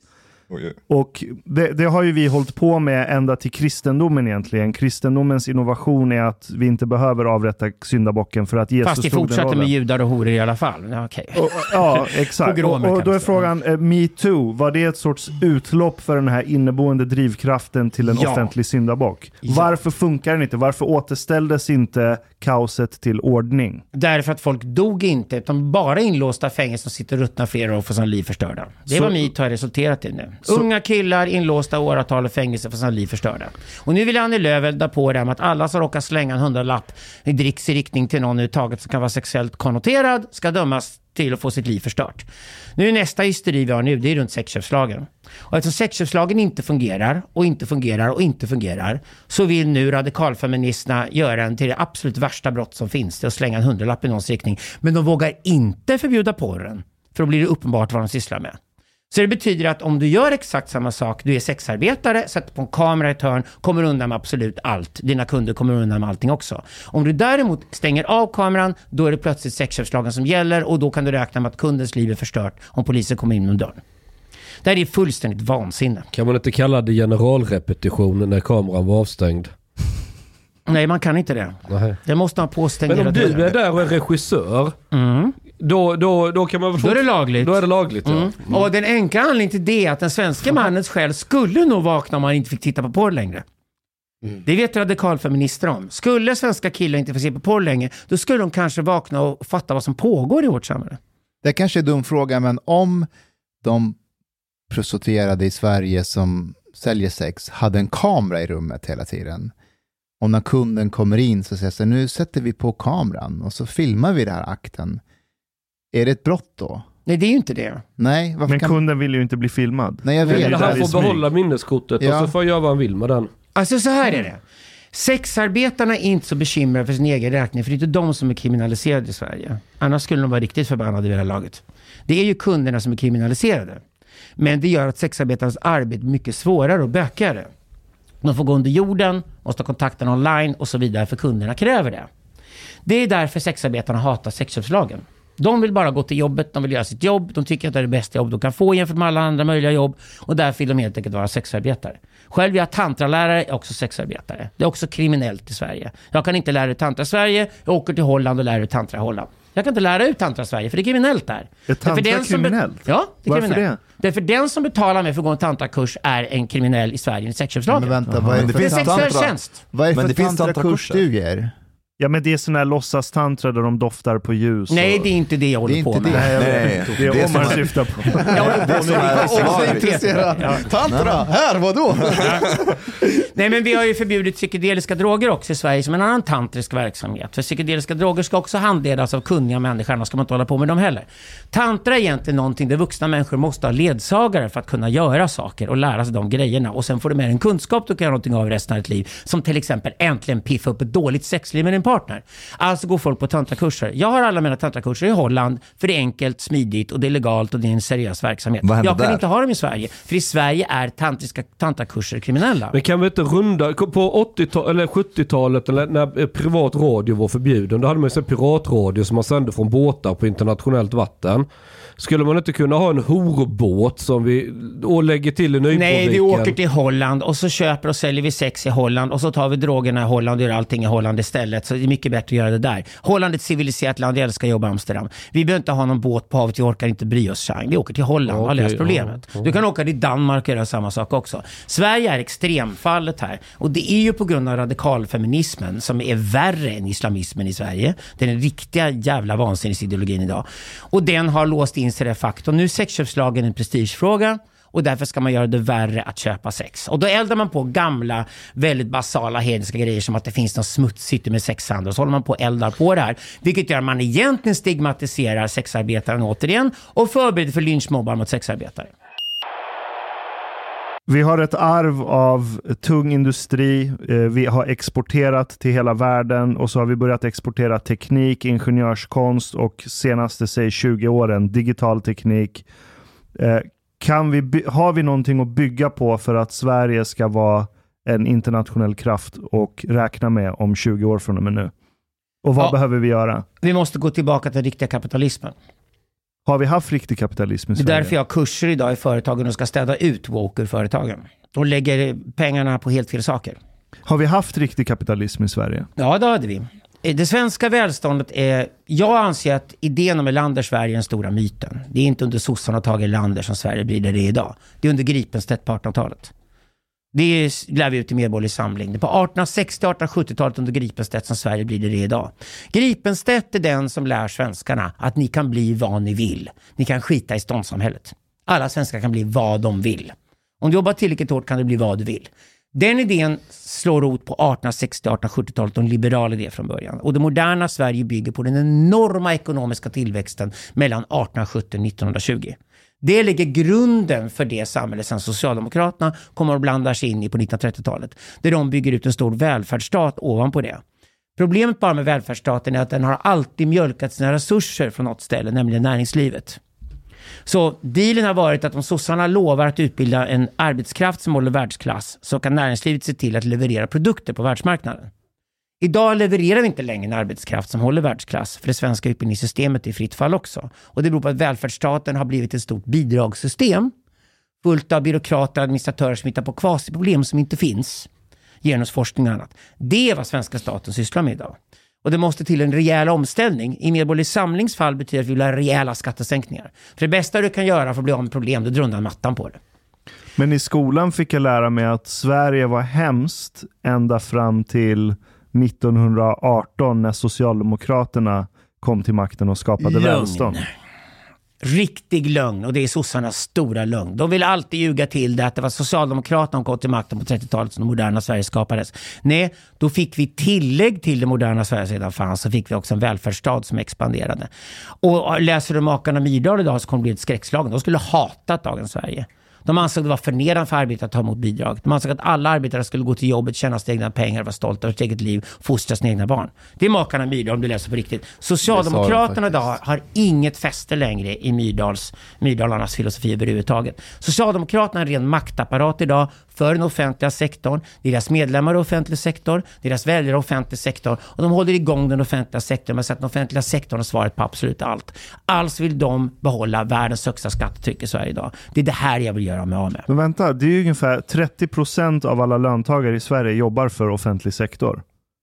30, Ja, ungefär 30%. Om du går på en det är- socialists födelsedagsfest idag, säg att en socialist som fyller 60 år idag, går du på hans födelsedagsfest idag, så lovar att alla människorna som går på den festen idag lever på den offentliga sektorn och får alla sina resurser från den offentliga sektorn utan att de gör något produktivt arbete överhuvudtaget. Och Socialdemokraterna har runt 30% av rösterna i det här landet. Det är inte så konstigt. Da! Men Alexander, om- om vi går tillbaka till återvandring. Nej, Nej, men det är faktiskt intressant. Men, Jag vill- men jag är nyfiken. Eh, om det finns vissa människor eller grupper som vill inte ha en liberal demokrati, varför ska de vara här? Jo, men hur, var, var dumpar du dem någonstans? Vem vill ha dem då Om istället? de har dubbel medborgarskap till exempel. Varför ska de, så de inte gå tillbaka till deras hemländer? Ja, men Det är ju bara för dem att göra sig av med det gamla medborgarskapet och behålla det svenska så kan du inte skicka ut dem ändå. Vi har haft återvandring. Och den är ofta den mer tragiska sorten. Det är latinamerikanerna som är stora återvandringen i Sverige. Många iranier skulle återvandra till Iran om Iran blir demokratiskt och sekulärt. Men det är det ju inte, för det är mullorna som styr Iran fortfarande. Så det betyder att om du har tillräckligt mycket problem där du kom från tillräckligt länge blir du förmodligen svensk till slut.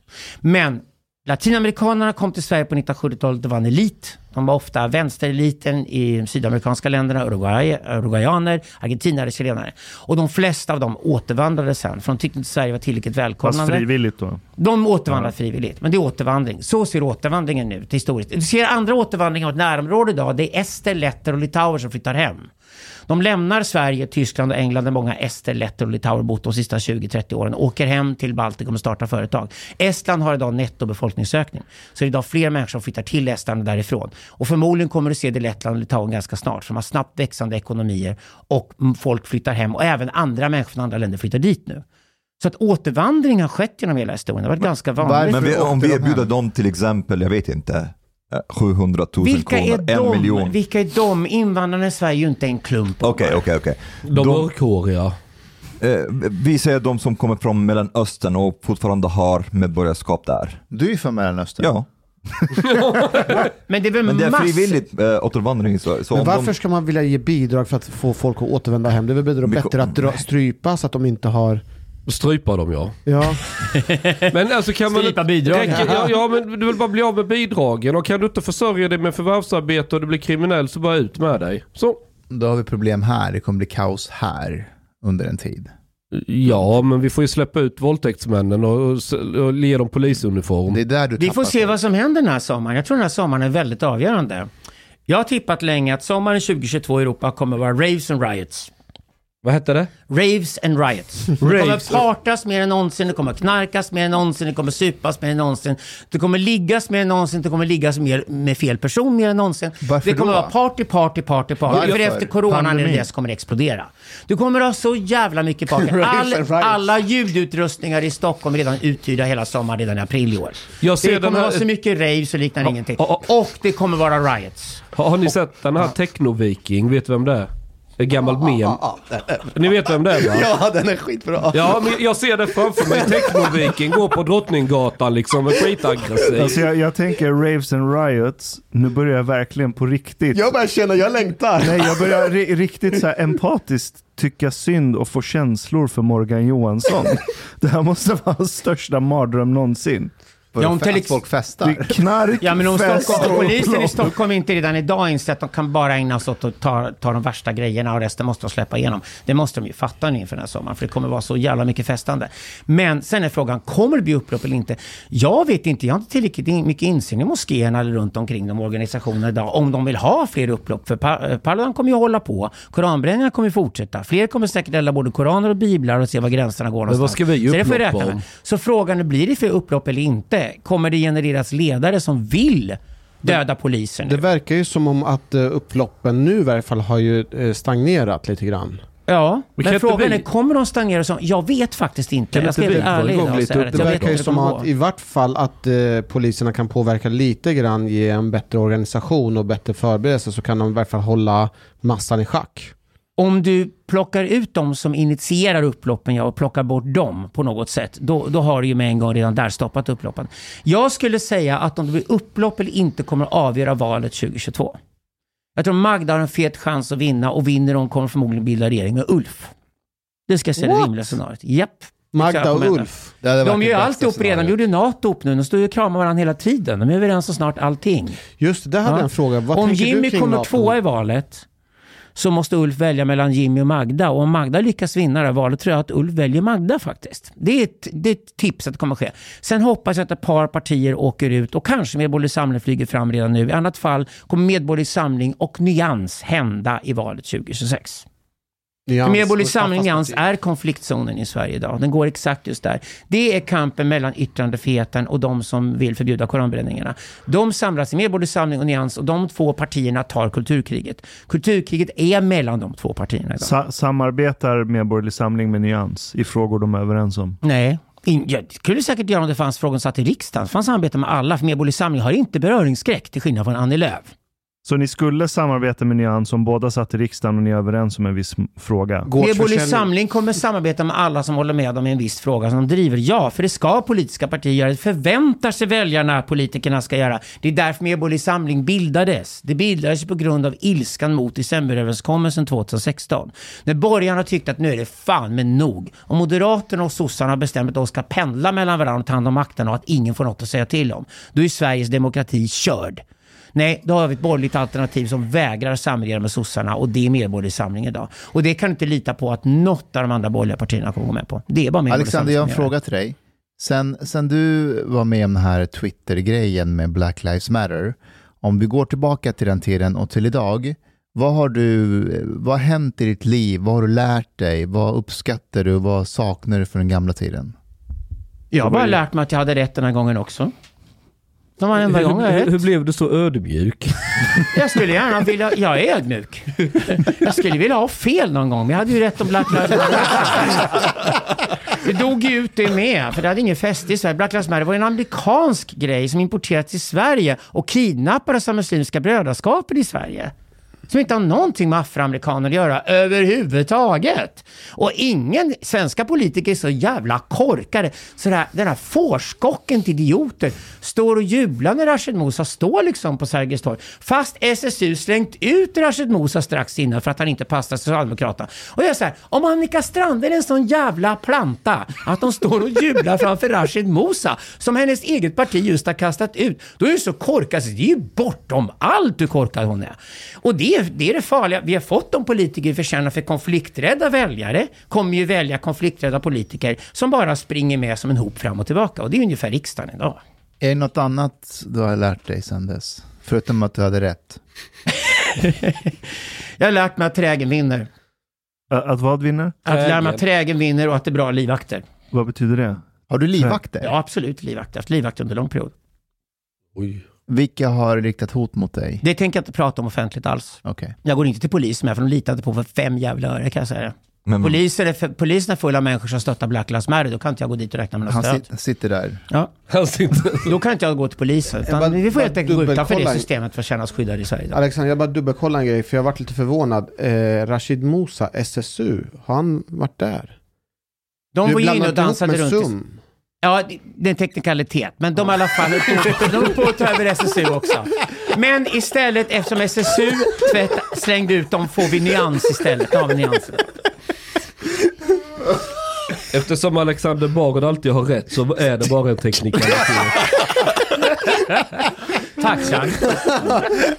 Jag Lugnt. blev själv förvånad. Jag Det är, som, inte... det är som när man är i förorter och, och träffar unga så tror de att socialtjänsten och Socialdemokraterna är samma sak. Det är det ju. Typ. Indirekt är det ju Det är ju De det. har rätt, de har inte fel. Men De var ju rätt.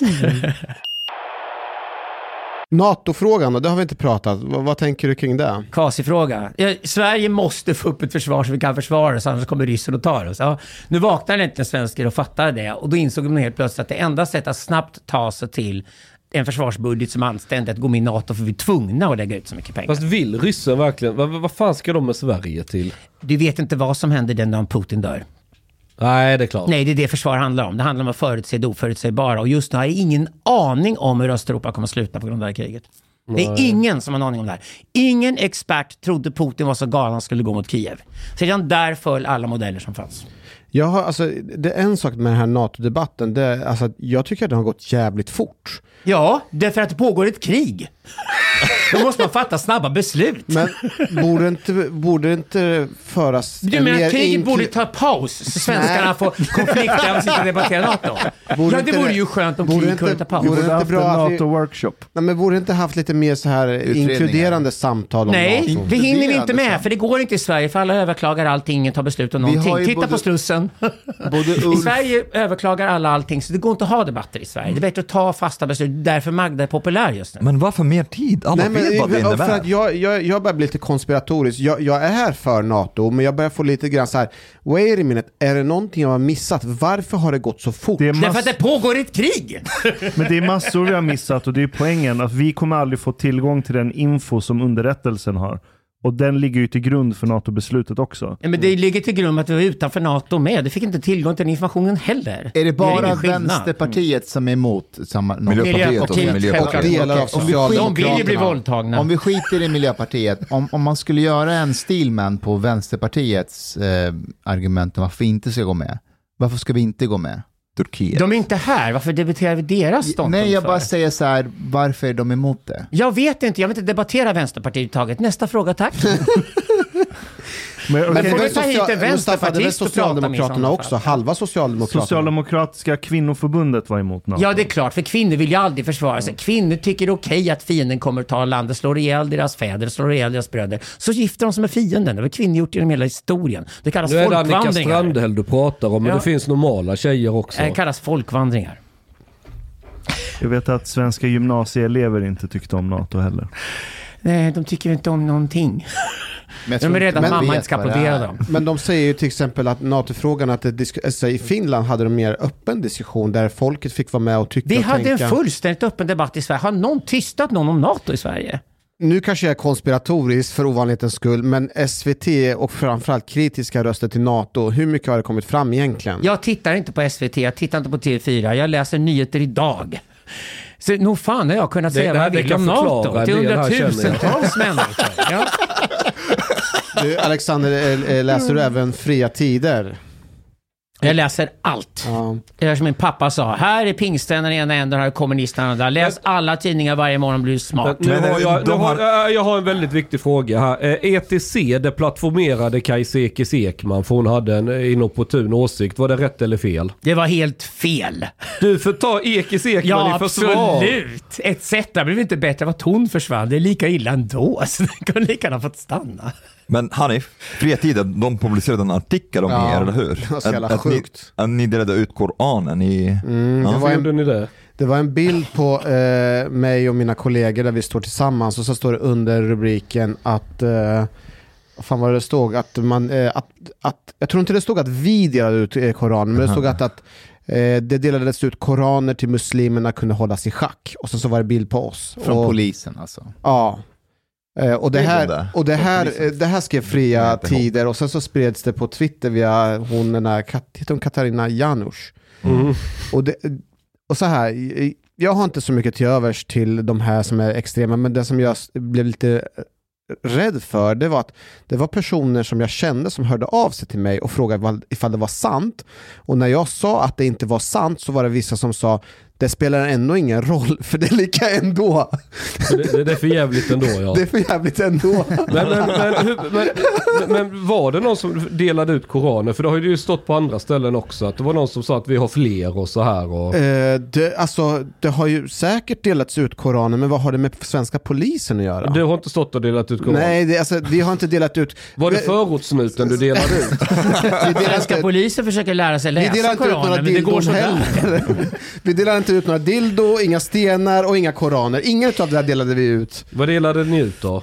Vi delade inte ut någonting. Inga batongslag? Nej, ingenting. Vi, vi Vad resonerade, där vi, vi, vi, vi samtalade och det funkar. Det funkar. Tänk att få betalt för jag, måste och bara, jag måste bara få säga en sak kopplat till vår eh, tidigare diskussion. Att, eh, en sak som jag lade märke till att det var väldigt, väldigt få ungdomar som var där. På själva den här tillställningen. Och för det var ju så att de hade ordnat så här eh, eh, till fotbollsturnering och olika andra typer av aktiviteter och de hade ju de flesta ungdomarna hade dragit sig dit så det verkar också vara en effektiv lösning att man ordnar aktiviteter för ungdomarna så hamnar de inte där. Så det var ju ett litet bra förebyggande arbete ändå från Men, men, det, men civilsamhällets det sida. stör mig att vi har en population som man måste så här, lura bort, som man lurar bort barn med glass. För att de inte ska ruinera ett helt kvarter. Jag håller med. Jag håller med. Det känns som om vi har lägre förväntningar på vissa. Alltså, åh, ni var så duktiga och inte kastade sten på polisen. Ja, och, Det är den riktiga rasismen. ja. Den är det. och, och, det på, och, och, du lät, och du lät lite optimistisk Alexander när du sa att så här, ja, men, om man inte återvandrar frivilligt för att ens hemland blir bättre så blir man till slut svensk. Tror, ser du en hoppfullhet i att de här... Nej, jag, tror, jag ser ingen hopp. Jag ser bara att återvandring är en jättedålig idé. kommer inte fungera. Okej. Jag ser inget praktiskt genomförande som kommer funka. Tr- Tror du det kommer bildas en ny etnisk grupp likt afroamerikaner i USA eller kommer de som bor i våra etniska enklaver idag bli svenskar? Nej, jag tror att det här samhället, jag ser inte några tecken idag på att svenskarna vill behålla Sverige och slåss för att behålla Sverige med yttrandefrihet och alltihopa. Bara- Svenskarna lägger sig för platt idag. Så då tror jag att vi kommer få olika subkulturer, både online och den fysiska världen, som kommer slåss mot varandra och instängda territorier. Och svenskarna kommer snart börja köpa hus som ligger i gated communities. Det är Sveriges rimliga framtid tio år framåt. När jag pratar med eh, politiker på riksdagsnivå, och, eh, speciellt under påskkravallerna, i princip alla är handfallna. De vet inte vad man ska göra och de ser inte hur man ska komma åt de här problemen i framtiden. Eh, Jag håller med om den analysen. ja, Mm. och du vet, när jag pratar med dem så tänker jag, men de måste ju såklart, det är ändå politiker på riksnivå. Men man, man vet på riktigt inte. Och De det, vill inte ta det med tång, de tycker bara det här är obehagligt. Varför tror, du det? Varför tror du att de tycker så? Därför att de har skitit i frågan de sista 40 åren och nu hinner ifatt dem. Men vad ska Det Sverige är göra då? Socialdemokraterna och Moderaterna som styrt Sverige under 40 åren och under både socialdemokratiskt och moderat styre i Sverige har man öppnat gränserna hur som helst, inte haft någon kontroll, har haft stor segregation, byggt olika förorter och så vidare med, med segregerade population idag, där vilka idéer som helst sprids. Och så sprids det också på samma sätt likadana idéer i andra segregerade områden med bara etniska svenskar. Det är som upplagt för en stor konflikt såklart. Men, det heter okej. inbördeskrig historiskt. Alexander, vi är Vi är överens på väg dit. Vi, vi är politikerna, det Mustafa säger är det allvarligaste av allting. Vi har inga ledare i Sverige idag som kan lösa problemet. Alltså, Men men vad ska vi KD göra då? har ju varit ute Vad ska vi tydligt. göra? Vad ska vi göra? Bygg det, bygg det i villa, en gated community, skyddar och skaffar livvakter. Vad ska du göra annars? Det är vad svensken kommer göra. Byggvaruhusen kommer nu ställas om till att bygga skyddsrum. Nästa stora trend i byggvaruhusen i Sverige kommer vara bygg ditt eget skyddsrum under villan. Det kommer bli en jättetrend. Investera den nu. Men okej, Det är nästa- vad ska, Vi vi, kommer snart att tv-program som säkert tycker det också. vad Det- ska det är vad de politikerna göra? De gör ju ingenting. Men vad, vad borde de göra? Ja, Medborgerlig Samling sitter inte i riksdagen idag. Ta- Röstar in dem i riksdagen, då kommer det hända grejer. Men vad kommer hända då? Ja. Ja, för det första så drar du ner offentliga sektorn rejält och skippar allting som inte har med det här att göra så du kan fokusera på kärnverksamheten.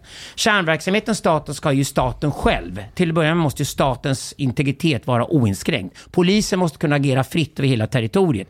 Fokusera på de sakerna, stänger ner genusforskning och allt jävla elände och fokusera på att polisen får resurser och rätt resurser. Så klart polisen kan göra sitt arbete. Och sen ska polisen ha ett tydligt direktiv om vad de ska göra. Och direktivet ska vara att upprätthålla lag och ordning och upprätthålla yttrandefrihet. Hur, länge ska Svensk grundlag ska upprätthållas överallt på svenskt territorium. Det måste vara högsta prioritet. Precis som försvaret måste stärkas och ska skydda oss mot ryssen och polisen måste fungera. hur länge ska man sitta i fängelse om man attackerar en polis?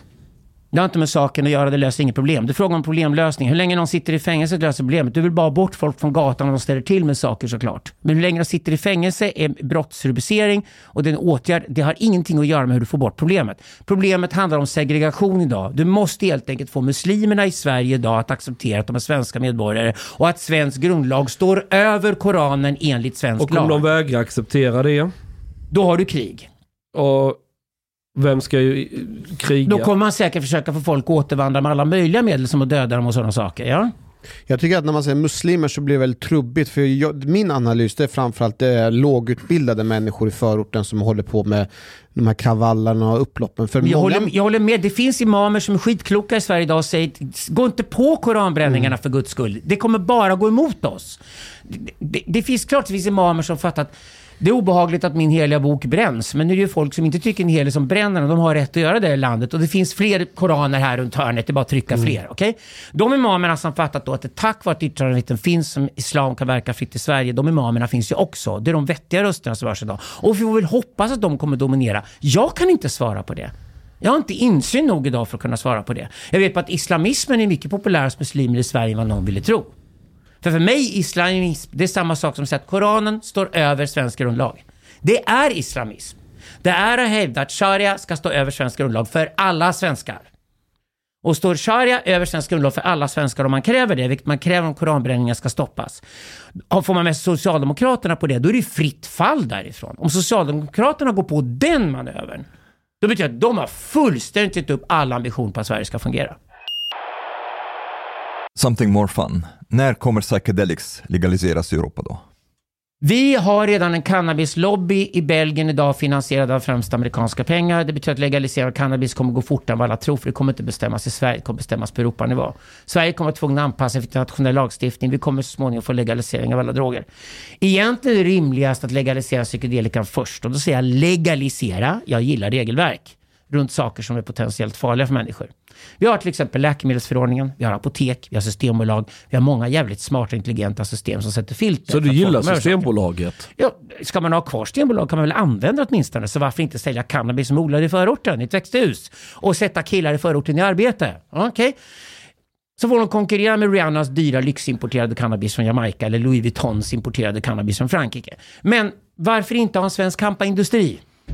Till exempel, psykedeliska droger kommer förmodligen landa på retreats. Det ser vi redan mönstret i Europa idag. Tjeckien, Portugal, Holland, Estland har redan retreats öppna. Nu planerar man att bygga retreats i Norge.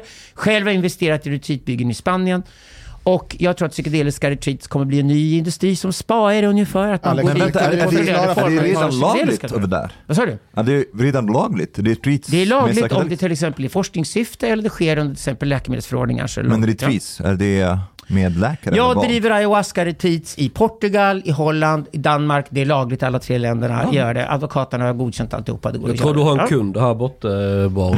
Ja, det tar vi, tar vi Vad- off, off record sen. Vad gör man på en sån här ayahuasca-retreat? För en polis som är lite nyfiken. Eh, ayahuasca är en väldigt potent dryck som är en blandning av olika ingredienser från djungeln i Sydamerika. Eh, den dricks helst på plats om man åker dit. Numera kan man dricka ayahuasca även i Europa. Eh, den används för olika terapeutiska syften och ibland bara för spänningens och inspirationens skull. Eh, det har visat sig att de populationer där man har haft ayahuasca-tradition regelbundet, som Chiquibo till exempel i Colombia och Peru där jag har jobbat, har man mer eller mindre fått bort depressioner ur, ur hela populationen. Det är kraftfullt antidepressiv effekt. Så dricker du ayahuasca ett par gånger per år så kan du sluta ta antidepressiva läkemedel. Och det var också många europeer på att upptäcka just nu. Det finns andra helande och väldigt bra terapeutiska effekter av ayahuasca också. Det är helt enkelt en fredspipa om man ska Hur länge trippar man på det? En ayahuasca, det finns olika traditioner. Peruanska traditionen är, du dricker ayahuasca kvällstid och du är ungefär borta och sticker och trippar ungefär sex timmar. De flesta hinner spy under den tiden också ganska ordentligt. Vilket Varför kallas la purga. Därför är det en väldigt, väldigt kraftfull grej som smakar väldigt, väldigt illa och du kommer förmodligen spy upp den innan, innan den går genom systemet. Men hur känns det då i ruset? Det går inte att beskriva rus. Man måste faktiskt uppleva dem.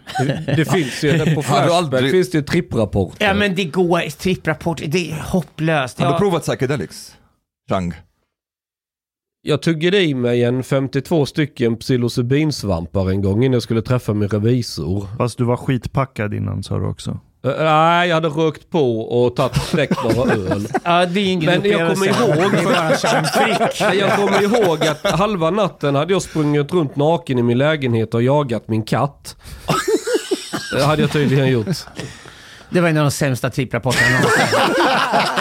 För det första, never mix alcohol and psychedelics. Första rådet på alla de här festivalerna jobbar alltid, för kidsen tar ju grejerna såklart. Och första rådet vi ger dem alltid att säga blanda aldrig alkohol med psykedelika överhuvudtaget. Det är en livsfarlig kombination. De olyckor som händer beror ofta på att de är fulla först och sen stoppar de i sig eller stillsvamp och liknande och så händer det jävligt obehagliga saker. Så att håll det rent åtminstone till att börja med. Psykedelika ska användas varsamt. Jag anser att det är en tantrisk tradition. Det vill säga, det är de som kan det som ska leda det och människor ska bli ledda av de som kan det. Och du måste vara redo för att kunna ta sakerna. Man får till exempel inte blanda psykedelika med massa olika psykiatriska läkemedel. Det kan också vara fullständigt livsfarligt att göra sådana saker. Så det, det, det är en hel djungel man måste ta sig igenom och därför säger jag till alla människor att vara väldigt försiktiga. Är ni väldigt nyfikna så försök åka till de lokala traditioner i världen där det finns och förmodligen lagligt att prova sakerna där.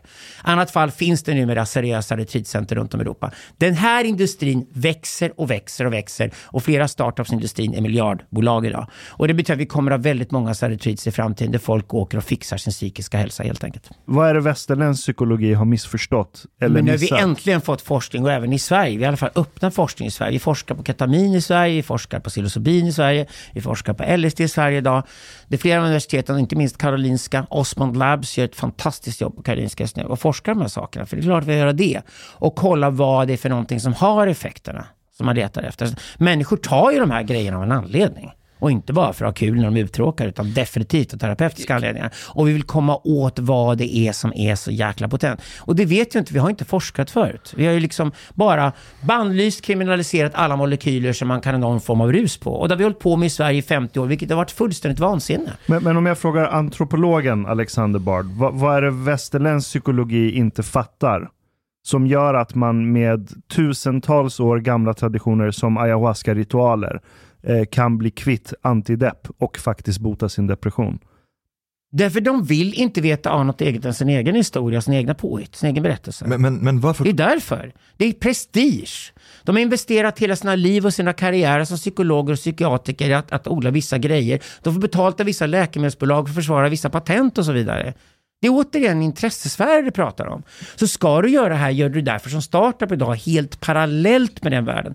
Sen har jag självklart en hel lång kö av psykiatriker i Sverige som vill jobba med det här och som har personligt intresse i det. Nätverket för psykedelisk forskning i Sverige har gjort ett superarbete på det området. Så vi har ju en ny ung generation psykiatriker och psykologer som är väldigt intresserade av att ta ut de positiva effekterna av psykedelika och använda dem terapeutiskt. Men sen det ska vi också säga. Det här kan ju också bara vara saker man tar för inspirationens skull. Det måste man också kunna göra. Psykedelika är ju inget man kan missbruka. Det är Men- helt vansinnigt att, att vi klumpar upp psykedelika och andra narkotiska preparat som har inget med varandra att göra överhuvudtaget. En Men varför tror du att de har inte fattat det? Det var väldigt populärt på 50-talet och 60-talet. Ja. Det, det är mest att det är ja, Jo, bara jo, men, olagligt. ja, men det har aldrig varit en sorts eh, statligt förordnad terapeutiskt medel. Det är människor som har experimenterat on the fringe vid sidan av. Ja. Nej. Det, det, jo, det är inte som Jo, att... jo, for, forskningen var endast militär på 50-60-talet. Vi har inte haft någon seriös forskning, varken i USA eller Europa, som gäller de rent terapeutiska effekterna av psykedeliska preparat. Den har börjat nu de senaste åren, det exploderar just nu. Så det var mest militären som höll på med LSD-forskning sånt 50-60-talet. Kan man kombinera psykedelika och horhuset? Ehm, det beror på vad du ska göra på Orhuset. Många går ju dit och bara betraktas som en nattklubb. Gå, gå, kan man knulla samtidigt som man har tagit eh, psykedelika? Man Ja. kan ha sex på psykedelika. Jag skulle inte rekommendera dig att ha det. Dessutom är det så att män och kvinnor, om det heter sexuell, reagerar ganska olika på olika psykedelika. Så jag brukar säga att sex kan man kanske ha med motsatt kön, psykedelikan kanske man ska ta med det samma könet. Därför att män och kvinnor reagerar olika på psykedelika. Så att en reaktion på MDMA bland män är annorlunda bland kvinnor. Reaktion på LSD bland män är annorlunda bland kvinnor. Hur, hur, men MDMA, är inte det en sån knulldrog? Nej, män vill gärna empatidrog. göra det till det. Kvinnor föredrar att ligga på LSD och 2CB istället. Så att kvinnor kan ofta tycka det är irriterande att killarna blir kåta på en drog där tjejer vill ligga och titta på en stjärnhimmel.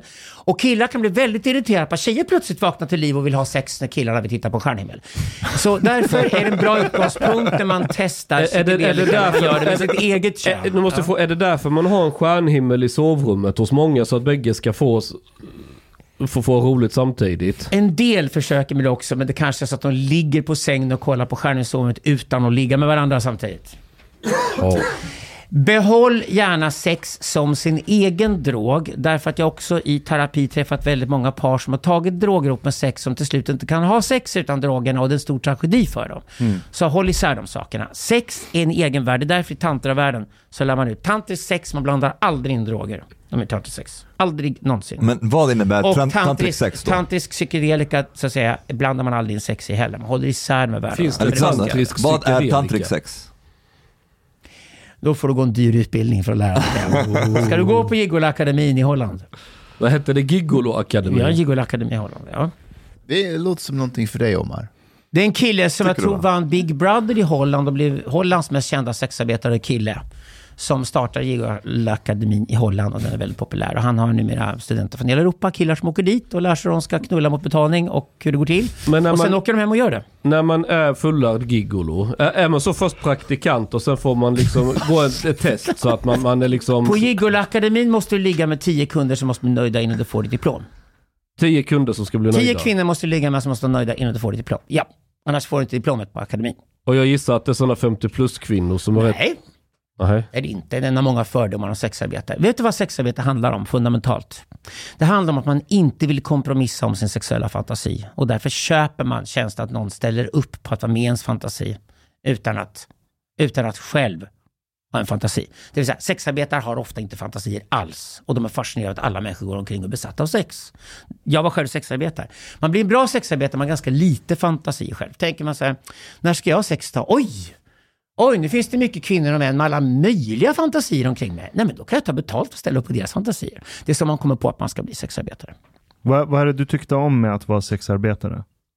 Jag fick en eh, inblick rakt in i människors själar. Fick se människor funka inifrån på ett sätt som jag aldrig skulle fått annars. Och det är därför jag gick vidare sen och pluggade psykoanalys och blev psykoanalytiker. Vad, vad, när, när, när under dina olika akter med kunderna insåg du att nu är jag djupt inne i hur den här människan funkar? Nej, det var inte så. Det var mer... Det var mer så här, folk har de sjukaste och vildaste fantasier. Som Kan du berätta? något. Nej, Va? Det väl det som är nej hemligheten. faktiskt det är poängen. Jag har ju fått betalt för att hålla tyst om Ja, men det. du behöver inte säga vad du behöver berätta om vem det var. Nej, Vi förstår att det Antingen så kommer jag inte berätta det absolut råaste eller brutalaste, för det kan jag inte berätta. Och då kommer jag berätta något mesigt, kommer alla tro att det var så mesigt det var. Det stämmer ju inte heller. Så ska du få en rättvis bild av hur det var för en sexarbetare så kommer du aldrig få den. Du får acceptera att jag stänger den. Är det olika fantasier för beroende på vart, alltså olika länder och så? Ja, det är det. Kan du dra skillnaden lite grann? Jag var ju nazi skinhead. Vadå? Tänk Vadå? vem som köpte tjänster av mig. en jude. Jag säger inte mer än så. Men det var en jude garanterat. En. En. Men vad är, Det här måste vi fråga Aron Flam om. men vad är, vad är svenskarnas, eh, typ så här, i Sverige, vad är det det vanligaste fantasin? Sexarbetarna i Sverige, tjejerna som jobbar här, är väldigt trötta på den svenska marknaden för alla svenska män blir dominerade. De vill bara dominatrixer. Hela tiden vill ha stryk. De vill ha sylvassa klackar som går på ryggen på dem och de vill gärna ha äldre kvinnor. 22-åriga killar vill köpa 50-åriga kvinnors tjänster och sånt där. Som kvinnliga sexarbetare jag känner är, de tycker Sverige är en tråkig marknad. De får fett betalt här. Sexköpslagen gör också att de kan ta bonus för tjänsterna såklart. För det måste de göra då. Och sen så ska jag säga att dominatrixerna dominerar den svenska marknaden Så, fullständigt. så vänta nu, om, om, eh, om du var nazi skinhead i din roll för vissa kunder och de kunderna enligt hörsägen från Chang kan ha varit av judiskt påbrå. Eh, då, då kan jag ju dra lite slutsatser utifrån det. Att det, det finns något inneboende som de får utlopp för av att som jude gå och ha sex med en skinhead nazi. Om då unga svenska män vill ha äldre kvinnor som spör skiten ur dem. Vad säger det om unga svenska män idag? Ja, de ligger inte med jämnåriga tjejer längre för då kommer de in i fängelse. Det säger de också. Ja, fast de kunde ju legat med en 50-åring utan att vilja bli spöade. But but why are you assuming that there are such guys? Jo, för att Alex sa det Det precis. kryllar gör de. Tinder i Sverige idag är förmodligen mest 25-åriga killar som ligger med 40-åriga kvinnor. Jag tror det är stora, stora bulken på Tinder Vad betyder det att jag ligger med en ryss då? Med en ryska? Eller ryss? R- ryska? Du är tänd på en ryska. Hon råkar vara ryska. Jag vet Det är inte. inte så att jag har en eh, hemlig böjelse för fienden. Alltså eh, allt det här som vi har pratat om, där du har pratat om att eh, svenska män är lite så här, ah, som du beskriver, lite passiva och sådär. Jag tänkte, eh, Ashkan, vi, du berättade ju för mig att du var på en fest i veckan. Ja, jag var på en fest eh, med lite gamla bekanta. Eh, och sen var det folk där som lyssnade på sista måltiden. Och så började vi prata om sista måltiden. Och så var det någon som såklart ställde, ah, hur var det att ha Paolo Roberto? Vad hände efteråt? Och så började vi snacka om sexköpslagen. Och någon gång under den konversationen så nämnde jag att tänk om det är vi i Sverige som är extrema här. För att i Danmark så finns det en dokumentär, det var du som berättade om den Mustafa, där det finns eh, någon, någon sorts förening tror jag det var med Downs syndrom-patienter eh, som eh, anlitar sexarbetare så att de med Downs syndrom kan få uppleva sex. För att de via naturlig väg kanske aldrig kommer få göra det under sitt liv.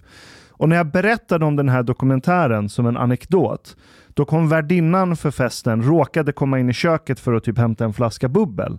Och så hörde hon, helt utan kontext, mig bara nämna den här dokumentären.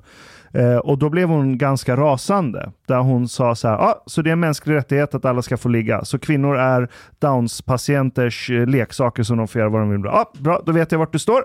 Och så tog hon flaskan, gick ut och smällde igen dörren bakom sig till köket.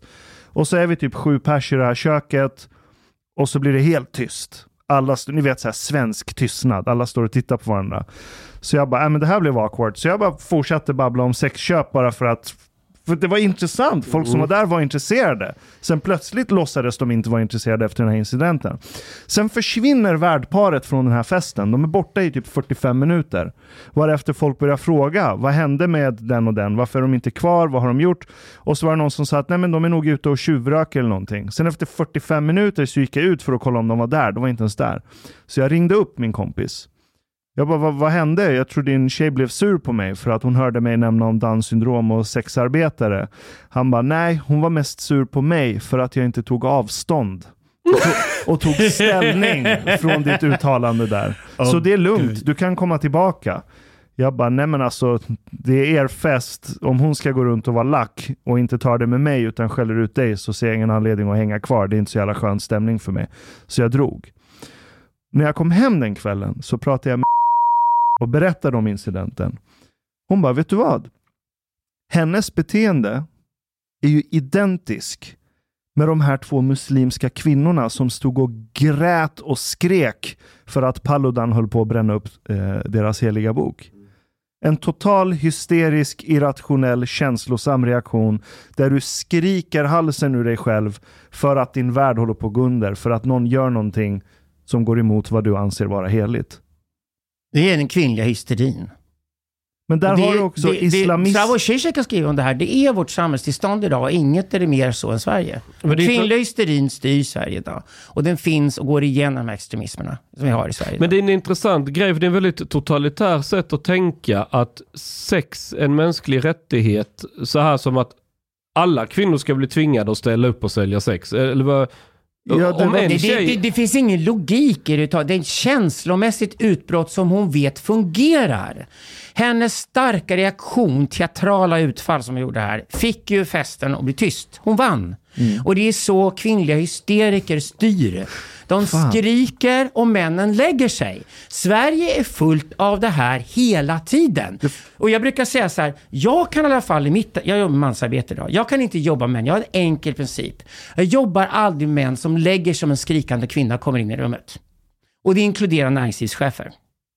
Det betyder att om en chef har lovat mig någonting klockan, klockan fyra på eftermiddagen och han inte står kvar vid det klockan sju på kvällen, i min första reaktion. Har en skrikande kvinna kommit in i rummet och skrikit på dig? Ja. Det är därför jag har inte uppfattat? Ja. Och du ringer inte ens mig och säger det? Nej.